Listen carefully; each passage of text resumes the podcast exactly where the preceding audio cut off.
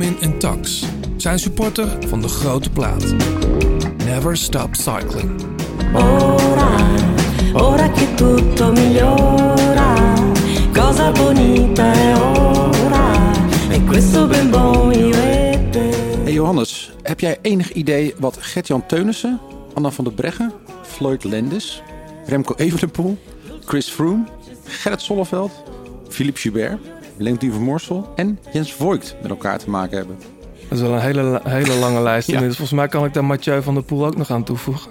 Ja, Ja, ja ik denk, ik heb wel een idee, ja. Een monster, monsterontsnappingen. zeg je dat toch altijd? Impressionante. Impressionante solo's Ja. met eh, winnende solo's. Ja, En, eh, maar ik denk dat de meest indrukwekkende, eh, de moeder der alle lange vluchten, die is onze gast vandaag, toch? 2019, WK. 105 kilometer.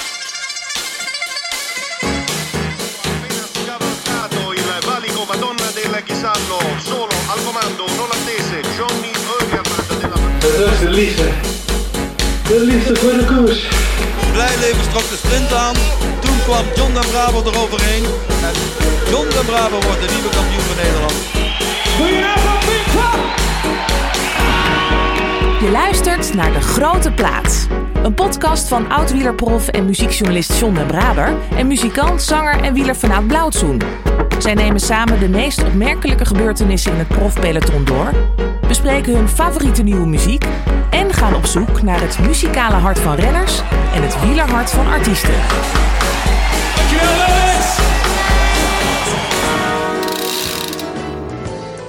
Met een solo voor de eeuwigheid zette ze haar naam met goud geschreven in de wielergeschiedenisboeken. En na de deceptie van Rio kwam de revanche in Bergen. Maar de krachttoer in het Britse Yorkshire spoelde de gedachte aan het verloren Olympische goud definitief weg. Tenminste, denk ik. De regenboogtrui moest ze vorig jaar, na een berensterk corona-seizoen, om het maar zo te noemen, afgeven aan Anna van der Breggen. Maar de Europese titel en het bijbehorende shirt is alles behalve een troostprijs. Dit jaar verruilde ze het Australische Mitchelton Scott, een warm bad was dat. Dat ruilde ze in voor een mediterraan avontuur bij het Spaanse Mobistar. En ehm, in de zomer, hopelijk, gaat ze op jacht naar die ene prijs die nog ontbreekt op haar propvolle erelijst Olympisch goud. Welkom Annemiek van Vleuten. Of eigenlijk welkom. Eh, wij zitten bij jou thuis. Welkom in, de, welkom in de show. Jij hebt ons net welkom geheten. Klinkt misschien ook iets anders dan jullie van ons gewend zijn, maar we zitten aan de keukentafel bij Annemiek van Vleuten. Welkom mannen. Leuk dat jullie er zijn. Het is eindelijk gelukt. Eindelijk, ja. Je bent drie dagen thuis en eh, wij mogen gewoon even langskomen. Nou ja, dat zegt ook wel iets over hoe leuk ik jullie podcast vind. En eh, hoe vaak ik eh, zelf ook luister met veel plezier. En je houdt me vaak ja, gezelschap tijdens trainingen. Goed om te horen, goed om te horen. Hey, heel eventjes over afgelopen zaterdag. We waren je aan het zoeken eh, in- tijdens de live-uitzendingen van Omloop het Nieuwsblad. We konden je nauwelijks vinden. Nee, dat klopt. Dat is eh, ook geen enkel excuus voor eh, aan te voeren, helaas. Behalve dan dat ik zelf gewoon niet van voren zat op het cruciale moment. Dus eh, ja, 100% mezelf te wijten en onwijs balen natuurlijk. Want dan is de koers gewoon gedaan zonder, voordat je überhaupt je benen hebt kunnen gebruiken. Ik vond je achteraf helemaal niet zo balerig overkomen. Nee, omdat ik er niet van hou om lang stil te staan bij dingen die nu al, waar ik dan toch niks meer kan veranderen. Dan li- kijk ik al gewoon gelijk weer eh, vooruit. Eh, het is goed om even te balen. Maar het gaat je ook niet helpen naar de volgende koers. Het zet me wel op scherp voor de volgende koers voor Strade Bianca. Dat me dit niet nog een keer gaat overkomen. Ehm, en ik moet ook wel zeggen, de tweede plaats van mijn ploeggenoten was ook wel in met een gouden randje. Dat was voor het eerst dat zij überhaupt op het podium stond. Ja, En ik vind het ook mooi dat we laten zien dat Movistar niet Annemiek van Vleuten is, maar dat we nog wel meer ijzers in het vuur hebben. Mhm. En ehm, dat gaat ook zorgen voor eh, een goede teamflow. Dus dat zij al die tweede plek wist te pakken. Dus ik, ik- wat dat betreft stond ik ook wel echt wel oprecht blij daarvoor weer eh, aan de finish. mhm. Hey, ik noemde het net, hè, ehm, die monsterontsnapping in Yorkshire 2019. Iedereen weet dat nog. Ook de mannen, ook de mannenrenners. Want jij verpulverde daar ook gewoon de kommetjes die zij, eh, die zij reden.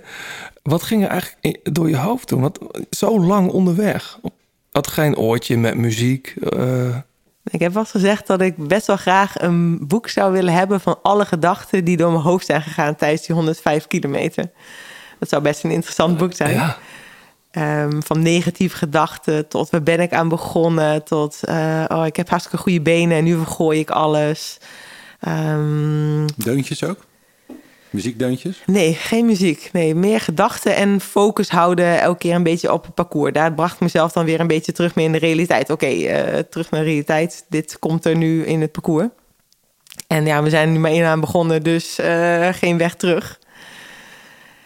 Maar ja, dus eh, daar kan ik wel eh, een boekje van schrijven, denk ik. heb, Als je, ik, heb je eh, het nog wel eens teruggekeken?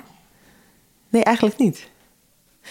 Eh, oh Zo- ja, nee, ik heb één keer heb ik zit, teruggekeken. Ja, zo'n lange zit, ja. Nee, ik heb het één keer teruggekeken, de, de wedstrijd. Ja. Ja. ja, ook al even in alle rust. Ja, was ook wel mooi. Ik wist ook niet wat natuurlijk achter mij was gebeurd, dus was ik ook wel even nieuwsgierig naar. Ja. Ja. ja. Hey, ehm, we praten zo uitgebreid met je verder. Ook over de afgelopen winter, eh, begin van het seizoen en de rest van het seizoen. Je hebt ook muziek meegenomen. Hele, ja, wat begin je te lachen? Een hele verrassende eh, lijst. Mag ik het zo zeggen? Ja, ik wil niet dat je de lijst opnoemt hoor. Maar Nee. dat alleen het enige nummer wat ik eruit heb gepikt. De, de lijst is echt zo slecht. Ja, ik heb jou mijn. ik eh. Ik, jij zei, je hebt me gisteren, ik heb een hele slechte smaak. Maar volgens mij bestaat dat niet echt, toch? Er bestaat wel slechte muziek, maar slechte smaak weet ik niet. Nou, ik zou niet zeggen dat het heel hoog kwalita- kwalitatieve muziek is wat in die lijst staat. Maar er zijn allemaal nummers waar ik blij van word. Ik heb jou, om even voor de luisteraars, ik heb jou mijn eh, warming-up tijdritlijst eh, gestuurd. Ja, die zullen we niet online zetten. En dat zijn gewoon allemaal nummers, als die voorbij komen, dat ik eh, die een lach toveren op mijn gezicht. En allemaal met een verschillende reden. Meestal zit er een verhaal achter. Mhm. En sommige verhalen hou ik ook lekker voor mezelf. Ehm, Heel goed. ja. Ja. John, wat is ons opgevallen? We gaan eerst even naar jou. Ja, Kuurne, Brussel, Kuurne. Dat was eh, smullen voor de tv. Van de pool die eh, op 80 kilometer dacht van... eh, volgens mij zijn we nu live op de zender. Dus ik, ik ga er gewoon voorrijden. Ja, het wa- was in de, in de, ja, er waren ook niet zo heel veel heuveltjes meer natuurlijk. Maar Nee, maar ja, er rijdt een groepje voor. Die hadden 3,5 minuut voorsprong, geloof ik. Dus heb je het nog gezien, Annemiek? Nee, Nee, je niet. zat zelf op de fiets. Ja, ik was even met eh, een Ja. vriend fietsen. Ja. Ja. ik vond het wel... Het, het- vanaf 85 kilometer ging die. Ja. Ik heb nooit het idee gehad, maar misschien eh, heb ik het mis... dat hij eh, wegreed om te winnen. Nee, het is een beetje spelen bij hem, hè. Maar ook, ehm, ja, kijk, als er een groepje naartoe rijdt... op een gegeven moment zat er ook 15 man achter. Waar bij Ieder Schelling trouwens ook nog bij zat. Heel ja, knap. ieder was goed, ja. Eh, dan weet je nooit wat er gebeurt. Maar het was wel, wel grappig dat normaal is omloop natuurlijk echt een, een spektakelstuk. En dat was nu een vrij tamme koers. Nou, ik, ik ja, vond, jij bent het niet met me eens, maar ik vond het eh, echt legendarisch slechte wedstrijd de omloop. Ja. Bij, de, bij de mannen, hè? Bij, Ja, de, bij de dames was het heerlijk om naar te kijken. ja. Ja, en Kuurne was nu echt normaal gesproken ze wachten op een massasprint. En dat was nu echt, eh, ja, echt tot de laatste kilometer letterlijk spannend. Ja, Dus dat was superleuk. En eh, wij zijn eh, live gegaan op Clubhouse ja. na de omloop. Zit jij al op Clubhouse, Annemiek? Nee, ik, ik ben ik nog je- niet van de i-family. Dus ik, heb Oh, het, ja, eh, ik ben nog niet, eh, ben niet welkom. Hoe, hoe stom is dat eigenlijk, hè? Ik Ja. had laatst ook bij een vriendin... Ik zeg, "Zit- waarom zit je er nog niet op? Ja, ik heb geen iPhone. Ja, toch, dat is dan toch raar. Maar dat komt vast wel. Het is, Maar eigenlijk, nou, eigenlijk probeer ik ook wel... eh, mijn missie eh, is ook wel een beetje minimaal je telefoon te gebruiken. Ja. En meer in het echte leven te leven. Ja, maar, maar dus in coronatijd het is, is het wel lastiger. Dus dit is best wel weer... Maar- Volgens mij is het ook een app die vooral zo, zo, ja, die het vooral zo goed doet vanwege corona. Ja, Oké, Ja. dan, dan ben ik voor. Denk ik. Eh, maar na corona hoop ik weer dat we dan iets minder eh, in de telefoon gaan leven. Ik vind dat Ja. het... eh, ja, het is best een valkuil, vind ik. Zeker. Ja. Dus dan allerlei nieuwe apps, eh, daar ben ik allemaal een beetje... probeer ik nog een beetje af te houden. Nou goed, John en ik zijn wel enthousiast, eh, enthousiast over Clubhouse. Want wij zaten na de omloop... eh, Ja, gelijk na, zeg maar, tijdens de finale van de, van de vrouwen. Ja, ik kwam iets later binnen. Ik heb de dames eens afgekeken. Ja, dat klopt. Netjes. Maar het was heel moeilijk plannen. Want ja, je moet een starttijd eh, moet je nemen. En ik wist niet hoe laat de mannen zou finishen. Er staat op de website van de organisatie staan ook geen tijden, doorkomsttijden, omdat ze die mensen niet bij parcours willen hebben. In het nieuwsblad staan ze wel allemaal gewoon. Nou, we, hebben- we hebben nog gezocht, maar ik, ik kon ze niet vinden. ja, ik, ik download in, in dit soort weekenden altijd het nieuwsblad. Oh, oké. Want daar staat alles in. Nou, in ieder Maar op geval... de, op de site inderdaad van de, van de, van de organisatoren Nee. staat het niet meer, nee. Nee. Nee. Maar het was gezellig. Michael Bogert eh, die kwam nog even aangewapperd. En eh Sebastian Timmerman zat erbij. Bobby Traxel. Is een beetje ouwe hoer over de koers. Dus dat was, eh, was hartstikke leuk. Ja. Hey, ehm, de omloop, jij ziet natuurlijk dan zelf niet echt het hele wedstrijdverloop, hè? maar ehm, je hebt wel eh, je grote concurrenten eh, gezien misschien. En, en de ploeg S- SD Works, dat is nog een sterke ploeg geworden, zeg. Zeker, die hebben we echt goed aangekocht. Ja. Dus, eh, dat is, die waren al een blok en die zijn er zeker nog sterker op geworden. Ja, volg jij dat dan ook zo vooraf in de winter, wie waar heen gaat en Demi Vollering die daar dan heen gaat, dat je denkt, shit, dat, is, dat wordt wel een, eh, een kluif. Nou, nee, natuurlijk volg je dat wel. En ik vind ook dat ze hebben een heel mooi plan met eh, de opvolgers van eh, Anna en Chantal. Mhm. Om, ja, daar hebben ze echt een plan mee. Dus leuk om te zien dat ze ook de volgende generatie aantrekken. Ja, maar wel, het viel me wel op ja, dat ze heel sterk zijn geworden, ja. Dus ehm, ik volg, natuurlijk volg ik dat, ja, dat is eh, je beroep. Ja. Heb je die finale nog teruggekeken? Nee, ik heb eh, niet teruggekeken eigenlijk. En ik moet zeggen dat ik heel weinig van de koers heb gezien. Ik was Mhm. eh, gelijk, ik heb eigenlijk mijn hele benen niet kunnen gebruiken. Dus eh oerstom. Mhm. Eh, ik heb zelf geen eh, inspanning kunnen doen, toen waren ze al weg en eh, ik zat er niet bij. Nee. Dus eh, dan ben je ook wel een beetje klaar met de koers. En dan denk je ook, focus op straden en niet te veel terugkijken. Ja. Maar is, is, is dat dan gewoon scherpte wat je dan mist? Of knokken voor het plekje? Ja, knokken voor het plekje en de risicobereidheid. Je voelt ook nog wel een klein beetje je, je pols. eh, voel je nog een klein beetje zo op de achtergrond. Of die herinnering, dat is ook wel een beetje... Ook nog een beetje communicatie in de ploeg die ik nog iets beter zou kunnen. Want Gaat normaal het ben ik in wel... het Engels of in het Spaans? Het gaat in het Spaans, op zich wel goed. Maar ja, je moet nog een beetje ingespeeld op elkaar raken. En normaal ben ik gewend dat als er een ploeg van voren komt... dat je dat hoort door een van je ploeggenoten... die dat even zeggen van... hé, hey, eh SD Works komt van voren.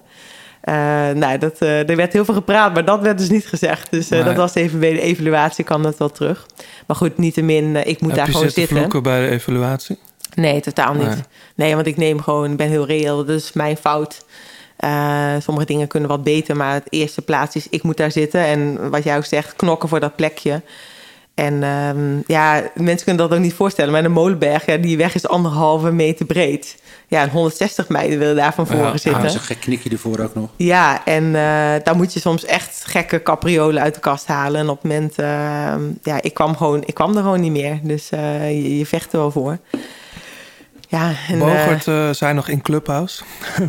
Die dag nog, ja, jij komt net van hoogte. Misschien heeft het daarmee te maken dat je dan niet meteen al die, die topvorm te pakken hebt. Ja, sommige mensen hebben dat wel. Ehm, maar ik heb eigenlijk de afgelopen keren ook altijd wel laten zien. Heel vaak heb ik een hoogtestage en kwam ik terug en had ik gelijk dezelfde dag een proloog. Ja, Maar die won ik, heb ik eigenlijk altijd nog gewonnen als ik terugkwam ja. van, eh, van hoogte. Dus dat is een Ah, inspanning van proloog 2 is- à 4 kilometer. Dus, en dat is super explosief. ja. Dus ik heb er eigenlijk nooit zo last van. Ehm, ik ben eigenlijk altijd gelijk goed. Dus dat. En dat voelde ik ook wel in toen ik in de, wat helemaal niet in beeld was. In de achtergrond eh, ben ik wel gesprongen op de Berendries en vervolgens nog op de muur gegaan. Dus ik kwam ook wel weer van voren uiteindelijk aansluiten. ja. Maar goed, dan waren ze e- de echt al echt gevlogen. Dus dan krijg je niks meer van de koers mee. Maar ik heb nog wel een klein beetje mijn benen kunnen testen. Ja, nou over dat testen gesproken, had jij, John, niet het gevoel dat... Zo keek ik ernaar, dat zowel Alaphilippe in de omloop als Mathieu in Kuurne... er feitelijk een hele luxe training van aan het maken waren. Ik denk dat alle Philippe wel echt reed om te winnen hoor. Hm. Als op de BN3 een paar goede mannen komen aansluiten, dan, eh, Ja. dan zijn ze gewoon Ja. weg. Hm.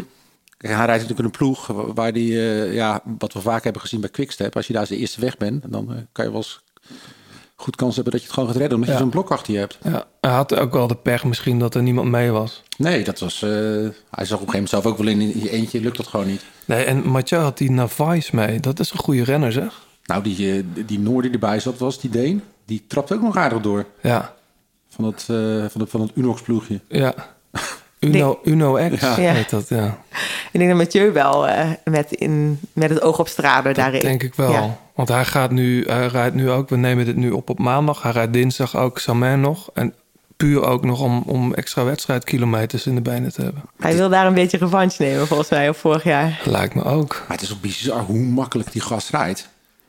Weet je, ik bedoel, jij, jij, jij rijdt ook hard, maar aan jou kun je echt wel zien dat het, dat het, dat het mo- moeite kost. Maar bij hem heb ik af en toe het idee dat hij binnenplan aan het fietsen is. Nou, het feit dat Hij had zich hij, ook geamuseerd, hè, zei hij. Dat Zeker. was, eh, maar het feit dat hij dan aan het einde eh, dan niet meer zich echt in die sprint kan mengen, Ja, geeft toch aan. dat- nee, maar dat vind ik alleen maar. eh, dat geeft is alleen een maar aan dat het een allemaal mens. frisse mensen aan Het is een mens. Het is, Pedersen en... eh, het is een mens. Maar dat hij zo het plezier erin heeft, daardoor ben ik wel echt fan van hem. ja. Dat plezier wat er van afstraalt. En dan hou je het voor mij gewoon heel lang vol. Dus we gaan denk ik nog heel lang van Mathieu genieten als hij zo dit weet vast te houden. En dat eh er is heel veel, heb vroeger ook wel gedacht dat eh, als je de top wil bereiken, dan moet je eigenlijk allemaal dingen doen die niet leuk zijn. En je moet het vooral niet leuk vinden en alles heel extreem dingen doen. Maar ben de laatste jaren steeds meer achtergekomen dat je ja, eigenlijk ook wereldkampioen kan worden. Maar juist eigenlijk veel de relax, door er veel relaxter in te staan en meer te genieten. Ja, en daarom vind ik het ook nog steeds prachtig. En ja, en hij speelt ook alleen maar. Ja. Ja, hij, Ja. eh, hij geniet ervan. Hey John, ehm, nog even wat namen die we willen noemen. David Dekker was natuurlijk, hebben we vorige keer al even over gehad. Die is in goede doen. Rijdt, ik weet eigenlijk niet wat zijn programma is. Wat wel leuk was, dat die Olaf Kooi in de omloop mocht starten. Ja. De jongen is 19, rijdt eigenlijk nog bij de belofte. Ja. En die zat wel mee in de goede ontsnapping. Ja, Wel op dat, en eh, burger, maar goed. Wat, wat, wat Bogert ook zei, die reed vorig jaar nog omloop van het lage land eh, bij die junioren. Ja, Ja, het is echt... eh, een groot talent. En ja, knap dat die jongen... Kijk, als je zo'n finale rijdt, daar word je echt, echt sterk van als, als jong mannetje hoor. ja, Dus die gaan we echt nog wel zien in, in andere koersen, nokere koersen, bijvoorbeeld dat soort wedstrijden. Leuk. Ja, heel tof. Nog muziek, eh, nog muziekgerelateerde opvallende gebeurtenissen? Ja, ik heb de Billie Eilish documentaire gezien dit weekend. Ja, ik dus nog niet. Maar het staat wel op mijn lijstje. Is het wat? Eh, ja, het is echt de making of Billie Eilish. Je ziet gewoon letterlijk hoe zij met haar broer eh, in, in de slaapkamer zit. Ouders dartelen een beetje omheen. Hoe al die beats worden gecreëerd. Hoe, hoe dat hele album wordt gemaakt. En hoe ze zelfs aan No Time To Die zit te schrijven. En het is een heel complex meisje. Het is echt een old head on young shoulders. Hè, als je haar hoort praten. Ze heeft ook echt wel demonen. Want ze zingt echt alleen maar over, over dingen die, die ze zelf meemaakt. En waar ze mee worstelt. Ze heeft ook een aantekeningsboekje waar ze alles in uittekent. En, eh, maar uiteindelijk is ze gewoon verliefd op Justin Bieber. Oh, ja, en op een gegeven moment dat ze hem ontmoet, dan is een tranen, eh, huilt ze. En eh, ze, ze heeft zeven Grammys gewonnen. En Justin Bieber komt op de, op de FaceTime en, en, en, en ze zit helemaal, oh my god, oh my god. Echt? Het is echt fantastisch. Maar hij is Het wel leuk om te zien Het dus. is een heel mooi gemaakte documentaire. Ja. Echt, het is, het is heel intiem en heel mooi geproduceerd ook. Het is echt een aanrader. Hij is alleen op Apple TV, dus dat moet je wel hebben. Mhm. Maar een, eh, ja, Ja. heel tof. Hey, en eh, nog leuk nieuws. Silk Sonic. Ja, Dat zegt jou wel wat. ja, dat is een soort superband wordt dat, hè? Bruno Mars samen met Anderson Paak Ja, en Butchie Collins Ja. bas. De bekende bassist van, eh wat is het, Funkadelic. ja, ik ben heel benieuwd. Er komt eh, een nieuwe plaat vanuit en er is al eh, een nieuwe muziek van.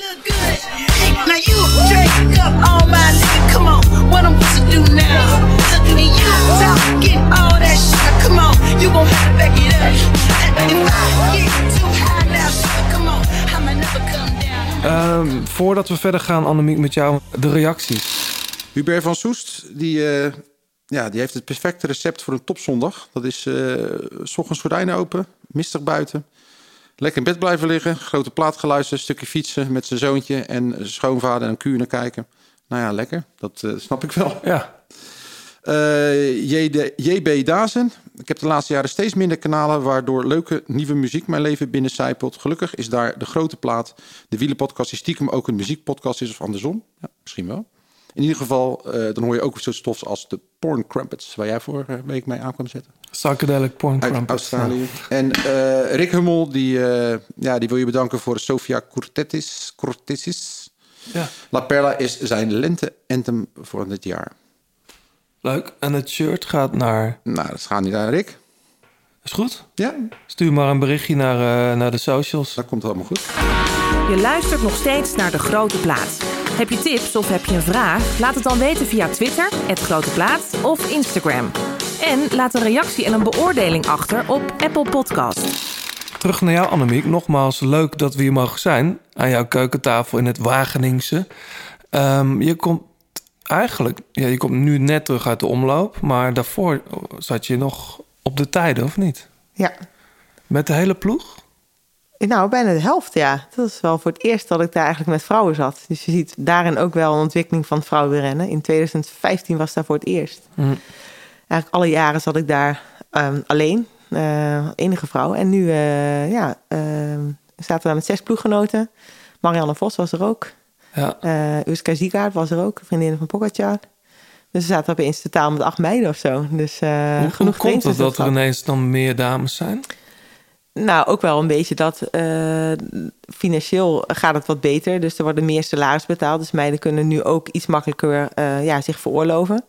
En wat ook heel goed is bij Movistar, het allereerste jaar voor mij dat ik een vergoeding krijg voor mijn hoogtestage vanuit de ploeg. Dus het wordt ook echt gestimuleerd vanuit de ploeg, of in ieder geval een tegemoetkoming eh, ingegeven. Dat als je op eigen initiatief gaat, dat ze daar een, ja, een financiële- financiële vergoeding tegenover Ja. zetten. Dat heb ik nog nooit gehad. Dus ook daarin zie je wel weer eh, ontwikkelingen. Ja, ik, ik weet dat het zo werkt, maar het is, bij, het is eigenlijk idioot dat het altijd zo gewerkt heeft, natuurlijk. Dat jij dat zelf hebt moeten betalen, niet? Aan de ene kant wel, maar de keren dat ik op hoogtestage ging, was ook altijd wel mijn eigen initiatief. Ja. Dus bij de mannen zie je eigenlijk ook wel, op het moment dat het een initiatief is vanuit de ploeg, dan word je ook daar verwacht zijn, is het ook veel meer werk. Ja. Maar er zitten ook best wel heel veel mannen die dat ook gewoon 100% zelf betalen. Wordt wel eens vergeten. Ja. Maar er zitten heel veel wat individuele renners die niet daar worden gestuurd vanuit de ploeg en die betalen dat ook zelf. Ja, oké, helder. Ja. Ja. En je zit nu tussen de Spanjolen. Hoe is dat? Heel erg leuk. Ja, ik voel me voel een beetje alsof mijn Australische familie eh, heb verruild voor een Mediterraanse familie, inderdaad. Ehm, ik zou ook wel eens van, ja, ik bedoel, hard fietsen en hard trainen is één ding en is leuk en geeft me ook energie. Maar het geeft me nog veel meer energie om daarnaast ook eh, ja, kennis te maken met andere culturen, een andere taal, eh, nieuwe mensen te leren kennen. Ehm, ook weer te werken met een nieuwe performance manager die weer allerlei andere ideeën heeft. Ja. Zit jij de hele dag nu met een talen, met een. Spaanse cursus op je oren of niet? En, Nou, sinds ik mijn knie brak in Innsbruck in 2018 ben ik al begonnen met een beetje Spaans leren. En had ik bijvoorbeeld ook mijn navigatie op, in mijn auto al in Spaans. En eh, dus een beetje kleine prikkeltjes eh, te zoeken. En Al ik die Netflix-series.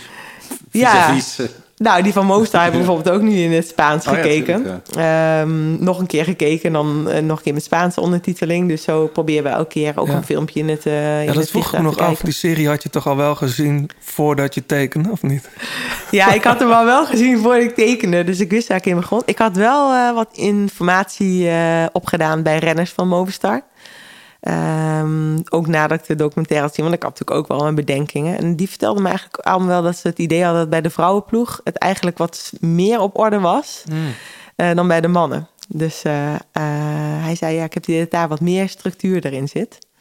En ik wist ook dat Patsy Villa, de oud-trainer van Pieter Sagan, Ja. daarheen was gegaan. En die had vorig jaar zijn eerste jaar. Ja. Dus voordat die serie uitkwam, was hij er nog niet. En hij zet echt, eh, echt wel goede dingen in gang. We hebben bijvoorbeeld gewoon een college gekregen, hè, twee avonden Oh ja. van hem. Waar Ja, college van een uurtje. Nou, één keer aerodynamica.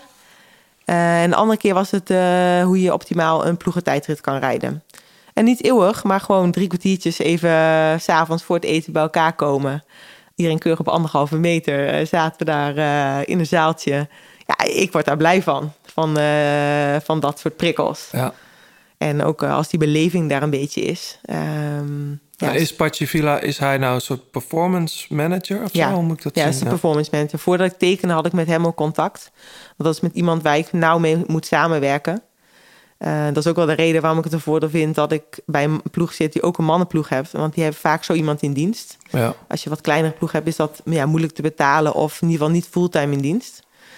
En ehm, ja, dus voor mij was het belangrijk om met hem een goede klik te hebben en het idee dat hij mij sneller kon gaan maken. En had er weer leuke ideeën ehm, waar ik wat aan kan werken. En ehm, ja, het is ook gewoon fijn als je met zo iemand kan eh, werken die daar passie voor heeft om je sneller te maken. Dan ga je er ook in geloven. En ehm, ja, dan, dan heb je ook weer het vertrouwen dat je nog weer sneller kan zijn op die tijdrit. Ja, want in hoeverre heeft de, de fiets, het fietsenmerk van de ploeg... te maken met jouw keus voor die ploeg? Want wij vorige week of twee weken geleden hadden we Peter Schep eh, nog in de uitzending. Die, daar heb je ook wel eens contact mee als het over aerodynamica gaat. Eh, ja, hoe Peter ken ik goed. Ja, Ja. Van een leuke podcast trouwens om naar te luisteren. Eh, ik heb met hem gewerkt toen ik de individuele achtervolging deed op de baan... op het WK-baan in Apeldoorn. Mhm. Ook een aerodynamisch eh, onderdeel. Dat was jouw Eh, eerste clash met Chloe, hè? Ja, klopt ja. En hoe? Want Ja. eh, ze remen gewoon Ingehaald. ronde. Ja. Dus toen ik daarna de tijd reed, zei jongens, let op Chloe Dijkert. Maar Ja. geen enkele journalist luisterde naar Nee, mij. klopt. Voor, en toen, toen won ze dus. En toen waren ze allemaal heel verbaasd. Zei, Ja, ik, heb ook. het gezegd wie je moest, in de gaten moest houden. Ik zeg, ik ken die meid. Ehm, maar eh, ja, aerodynamica, eh, ja, de fiets heeft daar ook zeker in, eh, in meegespeeld. Ik wilde wel echt naar, bij een ploeg tekenen, ehm, bij een fietsenmerk die vooruitstrevend zijn en die heel erg bezig zijn met ontwikkeling. Ja, heb je Mathieu ook nog gebeld? Want die reed al op Canyon. Nee, ik heb Mathieu niet, ge- Ah. niet gebeld. Ik heb wel een andere Mathieu gebeld. Mathieu Heijboer eh, van Jumbo-Visma. Want ik wist Mhm. dat die eh, op Bianchi natuurlijk reden. En mijn eh, eh, ploeg van vorig jaar ging over naar Bianchi. Ja. Dus ik wilde eens even weten, eh, achtergrondinformatie. Dus is wel leuk dat je dus ook wat ploegoverstijgende contacten Ja. hebt. Maar het is altijd wel een Ja. ding hè, bij renners. Van overstappen naar een ploeg, welke fiets ga ik dan rijden? Ik weet, de, eerste keer dat ik jou eh, ontmoette was op Sierra Nevada... toen de Belkin-ploeg daar reed op Bianchi's. En dat Bauke Mollema dat ook nog reed. Maar ja, dan hoor je, terwijl je een trainingsritje maakt... van alles over die fiets en wat er wel en niet goed is. Eh, een van de redenen, eh, weet ik, van hem is, is dat hij ook wegging. Daar is vanwege het, eh, het, de fiets waar hij op moest rijden. Ik denk dat het wel redelijk afhankelijk is ook van type rennen. Ik denk Mhm. als je een tijdrijder bent, dan vind je het, is het materiaal nog weer belangrijker. Hm. Ik ben voor de wegfiets iets minder kritisch. Al moet ik wel zeggen dat het wel heel fijn is als je een fiets met schijfremmen hebt die op de 6,8 kilo eh, zit. Dat is het, hè? Een En dat beetje. je niet zo'n zwaar bakbeest hebt. Want Ja. daar zit nog nu op dit moment, ja, door het intreden van de schijfremmen, best wel weer veel verschil in. En eh, er zijn echt fietsen van 7,5 kilo met schijfremmen. Ja. Ja. nou, als je 7 ons meer omhoog moet zeulen, Dat is veel. dat is echt veel. Ja.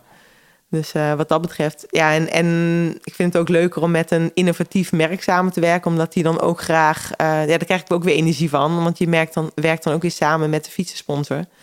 Ehm, en die willen ook weer eh, ja, goede resultaten. Dus dan heb je daar ook een leuke samenwerking en daar krijg ik ook wel weer energie van. Ja. Dan ga je er ook weer meer eigenlijk in geloven als, je, ja, als zij er ook helemaal voor gaan en Mhm. hun beste beentje voor zetten. Ja. Het wordt dan niet meer een eenmansproject een tijd. Wat het uiteindelijk op de weg wel is. Maar voorafgaande aan de tijdrit zitten er heel veel mensen. ja. Ja. en werkt het echt naartoe. En dat heb ik ervaren bij Middleton Scott. Mhm. Had ik echt een mechanicien. Die heeft me echt doen geloven. En die heeft ook die foto laten maken uiteindelijk. Dan ben ik op weg naar mijn eerste wereldtitel. Maar dat Ja. is echt dankzij hem. Prachtige foto die hier in de, in de keuken hangt. Ja. Een topshot is het vanuit de helikopter of van, eh, ja, vanuit bovenaf een, brug genomen. Oh, ja. vanaf een brug. Ja, het is wel een beetje artistiek, ja. Heel mooi. Maar ik vind het ook heel leuk. Het is echt eh, van hem gekregen. En eh, ja, die eerste wereldtitel, dat komt echt omdat hij... eh, hij ging bijvoorbeeld eh, opbellen dat hij een ketting had gevonden... die me dan 2 watt scheelde. En hij zei, ja, we denken dat we die erop moeten gooien. En als iemand zo, zoveel passie heeft... en er zo in gelooft dat je ook echt kan tijdrijden... Ja. en zoveel er bereid is ook energie van in te steken... dan, ehm, ja, dan geeft dat wel vleugels Ja, in de mooi. tijd. Dan ga je er meer in geloven. Mooi. Ja. Dan wordt het ook meer een teamwork. Ja. Hey, hoe, hoe kijk je eigenlijk terug op je, je jaren in de regenboogtrui? Het is natuurlijk een gek jaar geweest, maar ik, ik ken eigenlijk niemand die zo trots op die trui was als jij. Ik had er niet zo heel veel wedstrijden om er heel trots op te zijn. nou, het is natuurlijk super mooi. ik denk ook hoe ik hem won, was wel extra glans eh, met de solo. Ehm, ja, en hij stond gewoon heel hoog op mijn lijst ehm, om hem te winnen. Ehm, nooit ook gedacht dat ik eigenlijk in Yorkshire. Ik dacht echt, Innsbruck is mijn kans om wereldkampioen te worden. En dacht daarna komt nooit meer een parcours waar ik eh, echt eh, wat zo veel klimmen is. Nou, gelukkig is dat dan één klim in Yorkshire. Alleen lag hij een beetje vroeg in het parcours. Ehm, ja, het was natuurlijk super gave rij ook die ik neerzet. Want voor mij had ik vijf overwinningen op rij eh, in mijn eerste vijf koersen. Dus ehm, ja, dat was een, een droomseizoen. Ik denk dat vorig jaar was mijn beste seizoen ooit. En in de regenboogtrui, ja, dat was natuurlijk super gaaf. Ja. De finish was iets minder. Maar eh, goed, eh, daar had ik niet helemaal zelf in de hand. Nee. Eh, met gebroken pols. Maar ehm, tot, tot de gebroken pols was het echt een droomseizoen. Ja. ja, wij hadden stiekem het idee... zonder die gebroken pols was je opnieuw wereldkampioen geworden. Geen idee. Ja, Heb je daar ja, heb je heus wel een idee bij? ik was niet helemaal in de optimale staat helaas om Nee? het te verdedigen. Uh, Nee, maar Anne was zeker ook pols. super sterk Ja. en Longbardini. Dus ja, als dan, eh, daar wil ik eigenlijk helemaal niet mee bezig Nee, zijn. Maar eh, ik had natuurlijk graag ehm 100% geweest daar op het WK. En dat, Mhm. dat weet ik zeker in ieder geval, dat was ik niet. Nee. Hey, ik kwam pas een foto van jou tegen uit 2011. Ja, er zijn nog ergere foto's als je nog verder terug gaat. Ik een hartstikke leuke foto. We zetten die wel even op de socials. Bij Nederland bloeit. Ja. Was dat met Jan van Dam als ploegleider? Of was dat met... Nee, dat was daarvoor. Die was toen al weg. Ik had, eh, dit, nee, dit was Jeroen Blijlevens, was eh, Oh ja, maar Nederland Bloeit. Dit, dit is wel bij, eh, met Marianne Vos, toch? Ja, het is eigenlijk een beetje mijn eerste topjaar geweest, Ja. 2011. Toen won ik ook de wereldbeker, ja. Wat voor meisjes zie je hier? Ja, ik was daar schaduwkopvrouw achter Marianne. Dus echt altijd wel heel erg in haar schaduw. Maar vond ik ook prima. Ehm, ja, nog wel een beetje zo. Het studenticoze zat er wel een beetje in. Ja, je ziet ook wel een paar kilootjes meer. Bier. ik was daar echt een klassieke renster. Eh, en eh, nog heel veel aan het leren. Ja. Ja, Ja, daar doe ik eigenlijk meer op. Want je, Ja. was natuurlijk, je komt eigenlijk uit het voetbal. ja. Je bent eigenlijk een beetje per ongeluk in de wielersport gerommeld. Maar ik heb een andere podcast ook van jou gehoord... dat je op een gegeven moment wel echt doelen stelde. Bedoel, je, hebt, je hebt er wel alles aan gedaan. Je wist wie je moest bellen. Je wist wie je moest gaan trainen, waar je moest testen. Dus wat, waar, waar- wat, wat, wat vonkte dat, dat, dat, dat fanatisme eigenlijk? Nou, ik zag wel dat ik talent had toen ik me hier ging aanmelden bij de Wiedeclub. Dat ik de mannen een beetje eh, zware, zware trainingen gegeven. Dat ze op geen wisten lossen. En dat heeft het wel een beetje ontbrand. Dat ik dacht, hé, hey, ik heb hier talent voor. En ik wil kijken hoeveel talent ik hiervoor heb. En ik had, nooit, ik had niet voor ogen waar dat moest gaan eindigen of zo. Maar ik wilde gewoon dat talent in mezelf ontwikkelen. En eigenlijk heb ik dat nog steeds. Dat is nog steeds mijn drijvende kracht. Het winnen is de kerst op de taart. Maar het, het vuurtje in mij brandt dat ik zelf steeds beter en sneller wil. En Ja. ik denk op het moment dat dat niet meer is, dan ga ik heel snel stoppen. Maar ik zie nog steeds aanknopingspunten om nog sneller te gaan. En nu heb ik dat ook weer bij de nieuwe ploeg gevonden. Maar ja, dat is, eh, daar is het eh, gaan branden. En ik weet ook wel dat ik een inspanningstest deed op Papendal in mijn eerste jaar. En toen bleek dat ik al de waarden trapte die de meiden van de nationale selectie ook trapten. Alleen ja, ik had nog wat meer kilo's. Ik had de studentenkilo's er nog aanhangen. Dus per kilogram lichaamsgewicht oké niet. Maar absolute waarden waren al wel echt heel goed. En daar bleek echt wel uit dat ik echt talent had. Ja, en ik denk dat dat echt een moment is geweest van... hey, hier, eh, hier moet ik wat van maken. Maar wel bewust zijn dat ik al wat ouder was. Dus dat ik niet heel veel tijd te verliezen had. En vandaar dat ik ook heel strak die doelen ben gaan stellen. Ik, ik wist, ja, ik moet geen jaren verliezen. En dan weet je wel, als je strak doelen stelt... en heel actief bent met... ehm, eh, in de juiste ploeg terechtkomen... en bij de juiste mensen om je heen krijgen om je verder te helpen... eh, ja, dat je dan wel snel eh, nog stappen kan maken. Maar je moet wel je leven om gaan gooien. Want ik, weet niet of je in, in studentenverenigingen zat... en allemaal lekker een beetje aan het bier. En dat, Je studeerde hier in Wageningen, toch? Ja, Ja. ik zit in Wageningen. dat is echt wel een ander leven. Dat je... Oh, een heel ander leven. Ik stond dinsdag en donderdag in de kroeg met mijn vrienden. En eh, ja, er ging echt wel eh, schandalig wat biertjes naar binnen. maar ook heel leuk dat ik dat heb meegemaakt... zonder dat je druk hoeft te maken over je gewicht of over je vorm. Het was een heel vrij leven. Een leuke een- stad al wel om te studeren, denk ik. Ja, ik, vond, ik, ik had ook een heel leuk studentenhuis. Daar heb ik nog steeds contact mee. Dat is ook de reden eigenlijk dat ik hier nog woon. Ze wonen hier allemaal nog een beetje in de buurt. Ik heb nog steeds contact met ze. Huis Ja. Zelden Rust. Heel berucht. Met een geweldig dakterras. Ja, en Oh, alles kon daar. Gewoon de, vrijheid. me, ja. Bestaat het Molenstraattheater nog? Ja, het film, Ja, bestaat nog steeds. Ah, ja. ja. dus er zijn alle faciliteiten in, in Wageningen zijn er wel. Maar Ja. het is gewoon een kleine, Ja, het is- een kleine stad, maar wel met eh, ja, niet de sores eigenlijk van de stad. Het is Mhm. makkelijk hier bewegen en makkelijk om te gaan trainen. En een van de mooiste voetbalstadions. eh, Ook dat. op de berg, ja, Ja, man. schitterend. Daar ben ik veel geweest vroeger. En ik vind ook na Limburg wel het mooiste gebied in Nederland om te trainen.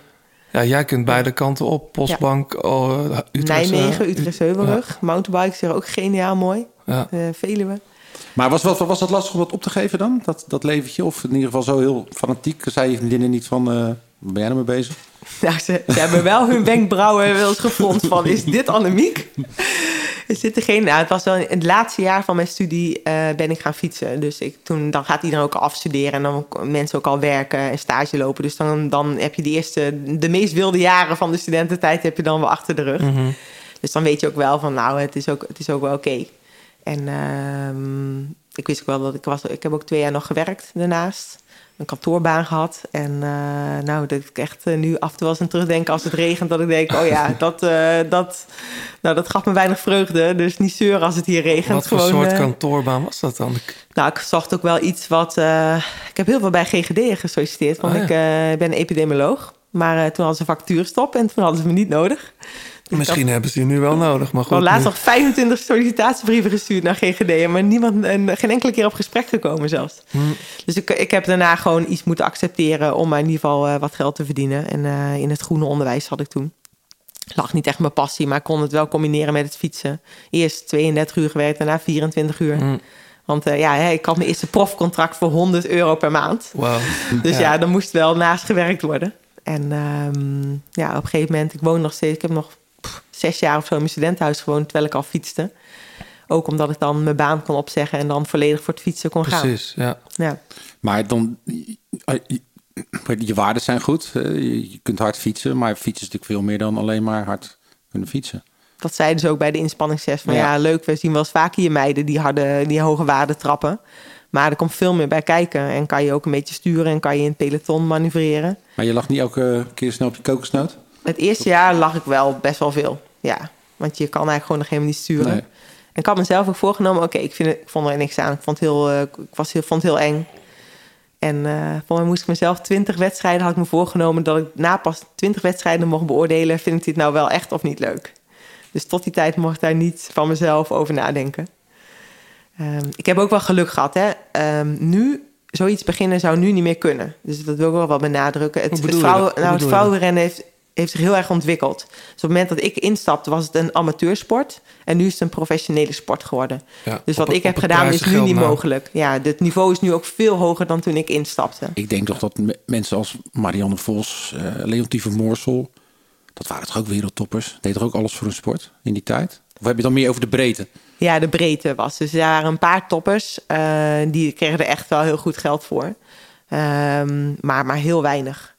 Eh, de meeste kregen ja, gewoon een wat, ik, wat ik denk voor rondfietsen voor 100 euro per maand. En misschien eh, wat meer die we wat, wat langer al fietsten. En we reden ook heel veel gecombineerd nog echt met amateursporters. Dus ehm, waar we nu bijna nu alleen maar met UCI-renners samen reden. We reden toen nog met clubploegen veel samen. En nu zie je gewoon het, niveau in de, in de breedte gewoon veel hoger zijn. En dat maakt het ook veel interessanter. Dus daarom ga ik ook zo, ben ik zo proactief voor een minimumloon voor alle renners. Dat iedereen er fulltime voor kan gaan. En dan gaat het niveau ook gewoon veel omhoog. En daarmee hou je het vrouwenrennen ook interessant. Omdat er gewoon veel meer pionnen zijn die kunnen winnen. Ik ben dus ook niet zo blij dat als al, alle toppers in één ploeg gaan zitten. Het is veel leuker als er veel meer ploegen zijn die verantwoordelijkheid nemen. En dan krijgen we interessante koersen. Mm, ja. Ehm, en dan krijg je fans. Dus dat is ook een van de motivaties dat ik naar Movistar ging. Die hadden eigenlijk nog geen kopvrouw. En ja, dan zie ik die uitdaging wel, ga ik die graag aan. Ja. Hey, nog, e- en even nog terug bij dat, dat begin van jou, hè? toen het nog eh, een amateursport was. Had je op een gegeven moment voorbeelden of, eh, of, of mensen die jou op de goede weg hielpen, mentoren, misschien al re- renners die al, al verder waren? Ja, ik denk dat Marianne Vos wel een belangrijke mentor voor mij is geweest. Eh, ik heb haar toen ook zelf met een trillend stemmetje, toen ik zonder ploeg zat, eh, opgebeld. Oh ja? Eh, ik had het nummer via Elle van Dijk geregeld. En dat is ook weer dat, dat proactieve wat er bij mij in zit. Ik zat zonder ploeg en dan kan je gaan zitten huilen in een hoekje. Maar je kan ook zelf actief gaan zoeken. En ze zei, eh, ja nee, ik, ik, je bent mij eigenlijk wel opgevallen. En er is inderdaad nog één plek in onze ploeg. Ik ga het voorleggen. Hm. Maar als dat telefoontje had gedaan, voor mij op dat moment honderd anderen. Die dat plekje hadden ingenomen. Ja. En eh, toen ben ik bij haar in de ploeg gekomen. En ja, zij liet me ook wel heeft me echt laten zien om vanuit plezier, denk ik, te presteren. Ze had ook wel veel plezier in de sport. Eh, Met haar ging sprinten voor de botjes en eh, trainen op een, een leuke, relaxte manier. Met veel plezier. En, en ja, daar heb ik wel heel veel van geleerd. Ik had dan ook een hele goede ploegleider trouwens, die ik trof. Arthur van Dongen, zit nu bij Jumbo-Visma. Oh ja.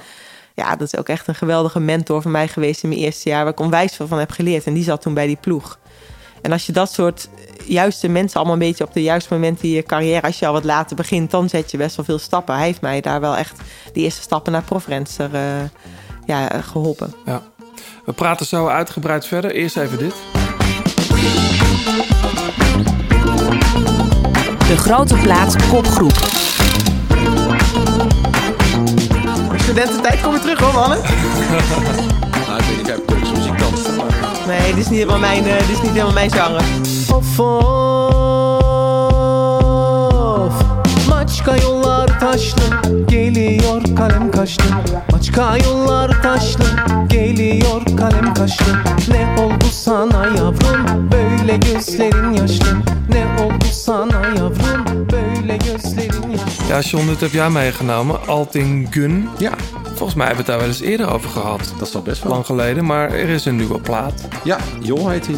En eh, ja, een hele leuke band. Ik, ik, volg ze eigenlijk best wel lang, eigenlijk per toeval. Ze speelden ooit bij ons in, eh, Het inmiddels gesneuvelde Duizel in het Park. Heel leuk klein festivalletje. Voor In met Rotterdam. paardenkop. Hm. Daar heb ik 2,5 uur staan te dansen. Met een paar flessen wijn op. Maar Ja, het is heel dansbaar. Ja, en eh, jongens hebben een eh, Grammy-nominatie gehad eh, in eh, 2019 voor hun tweede plaat. Het was meer 70s, een beetje psychedelic Ja. funk. En ehm, ja, best wel sneu, want ze zouden vorig jaar echt flink gaan toeren. Coachella zouden ze voor mij doen. Klopt. Ik, ik kwam ze in september nog tegen toen ik een, eh, een soort corona-event speelde... waar we dan ineens een festivalletje mochten doen. Speelden zij ook, eh, speelden ze ook al heel veel van die nieuwe plaat. En ja, net als veel artiesten die, die ik tegenkom... iedereen was toen nogal down. En zo van ja, en zeker zij zouden echt heel veel gaan doen. De hele wereld over, volgens mij ook Australië. Ja. Ja, dat mogen ze van, wat mij betreft allemaal lekker gaan inhalen. Als Ja. ze dan ook in Nederland blijven spelen natuurlijk. Ja, volgens mij met Krang Bin, volgens mij zouden ze wat dingen gaan doen. Ja, is ook wel een band die daarbij band. past, ja.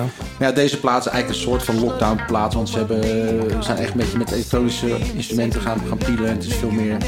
Ja, Stond wel gepland, hoor. Ja, mij. 80 sound tenminste. Ja, dat had ik in een interview gelezen. Dus, Ja. eh, dus ja, leuke plaat. Dus eh, check hem. Hij is eh, net uit. Altin Gun, ja. En eh, zij zingt, ik ben even haar naam kwijt. En, en de, de andere songwriter zingt ook. Zijn, volgens mij Amsterdam Ja, komen Amsterdam de meeste zijn- vandaan. Hè? Leuk. Het, nu- het nummer heet Maka Yolari, maar ze nog ongetwijfeld helemaal verkeerd uitspreken. Ik krijg altijd wel zin in de zomer als ik die muziek hoor. Ja, nou, daar draaien we.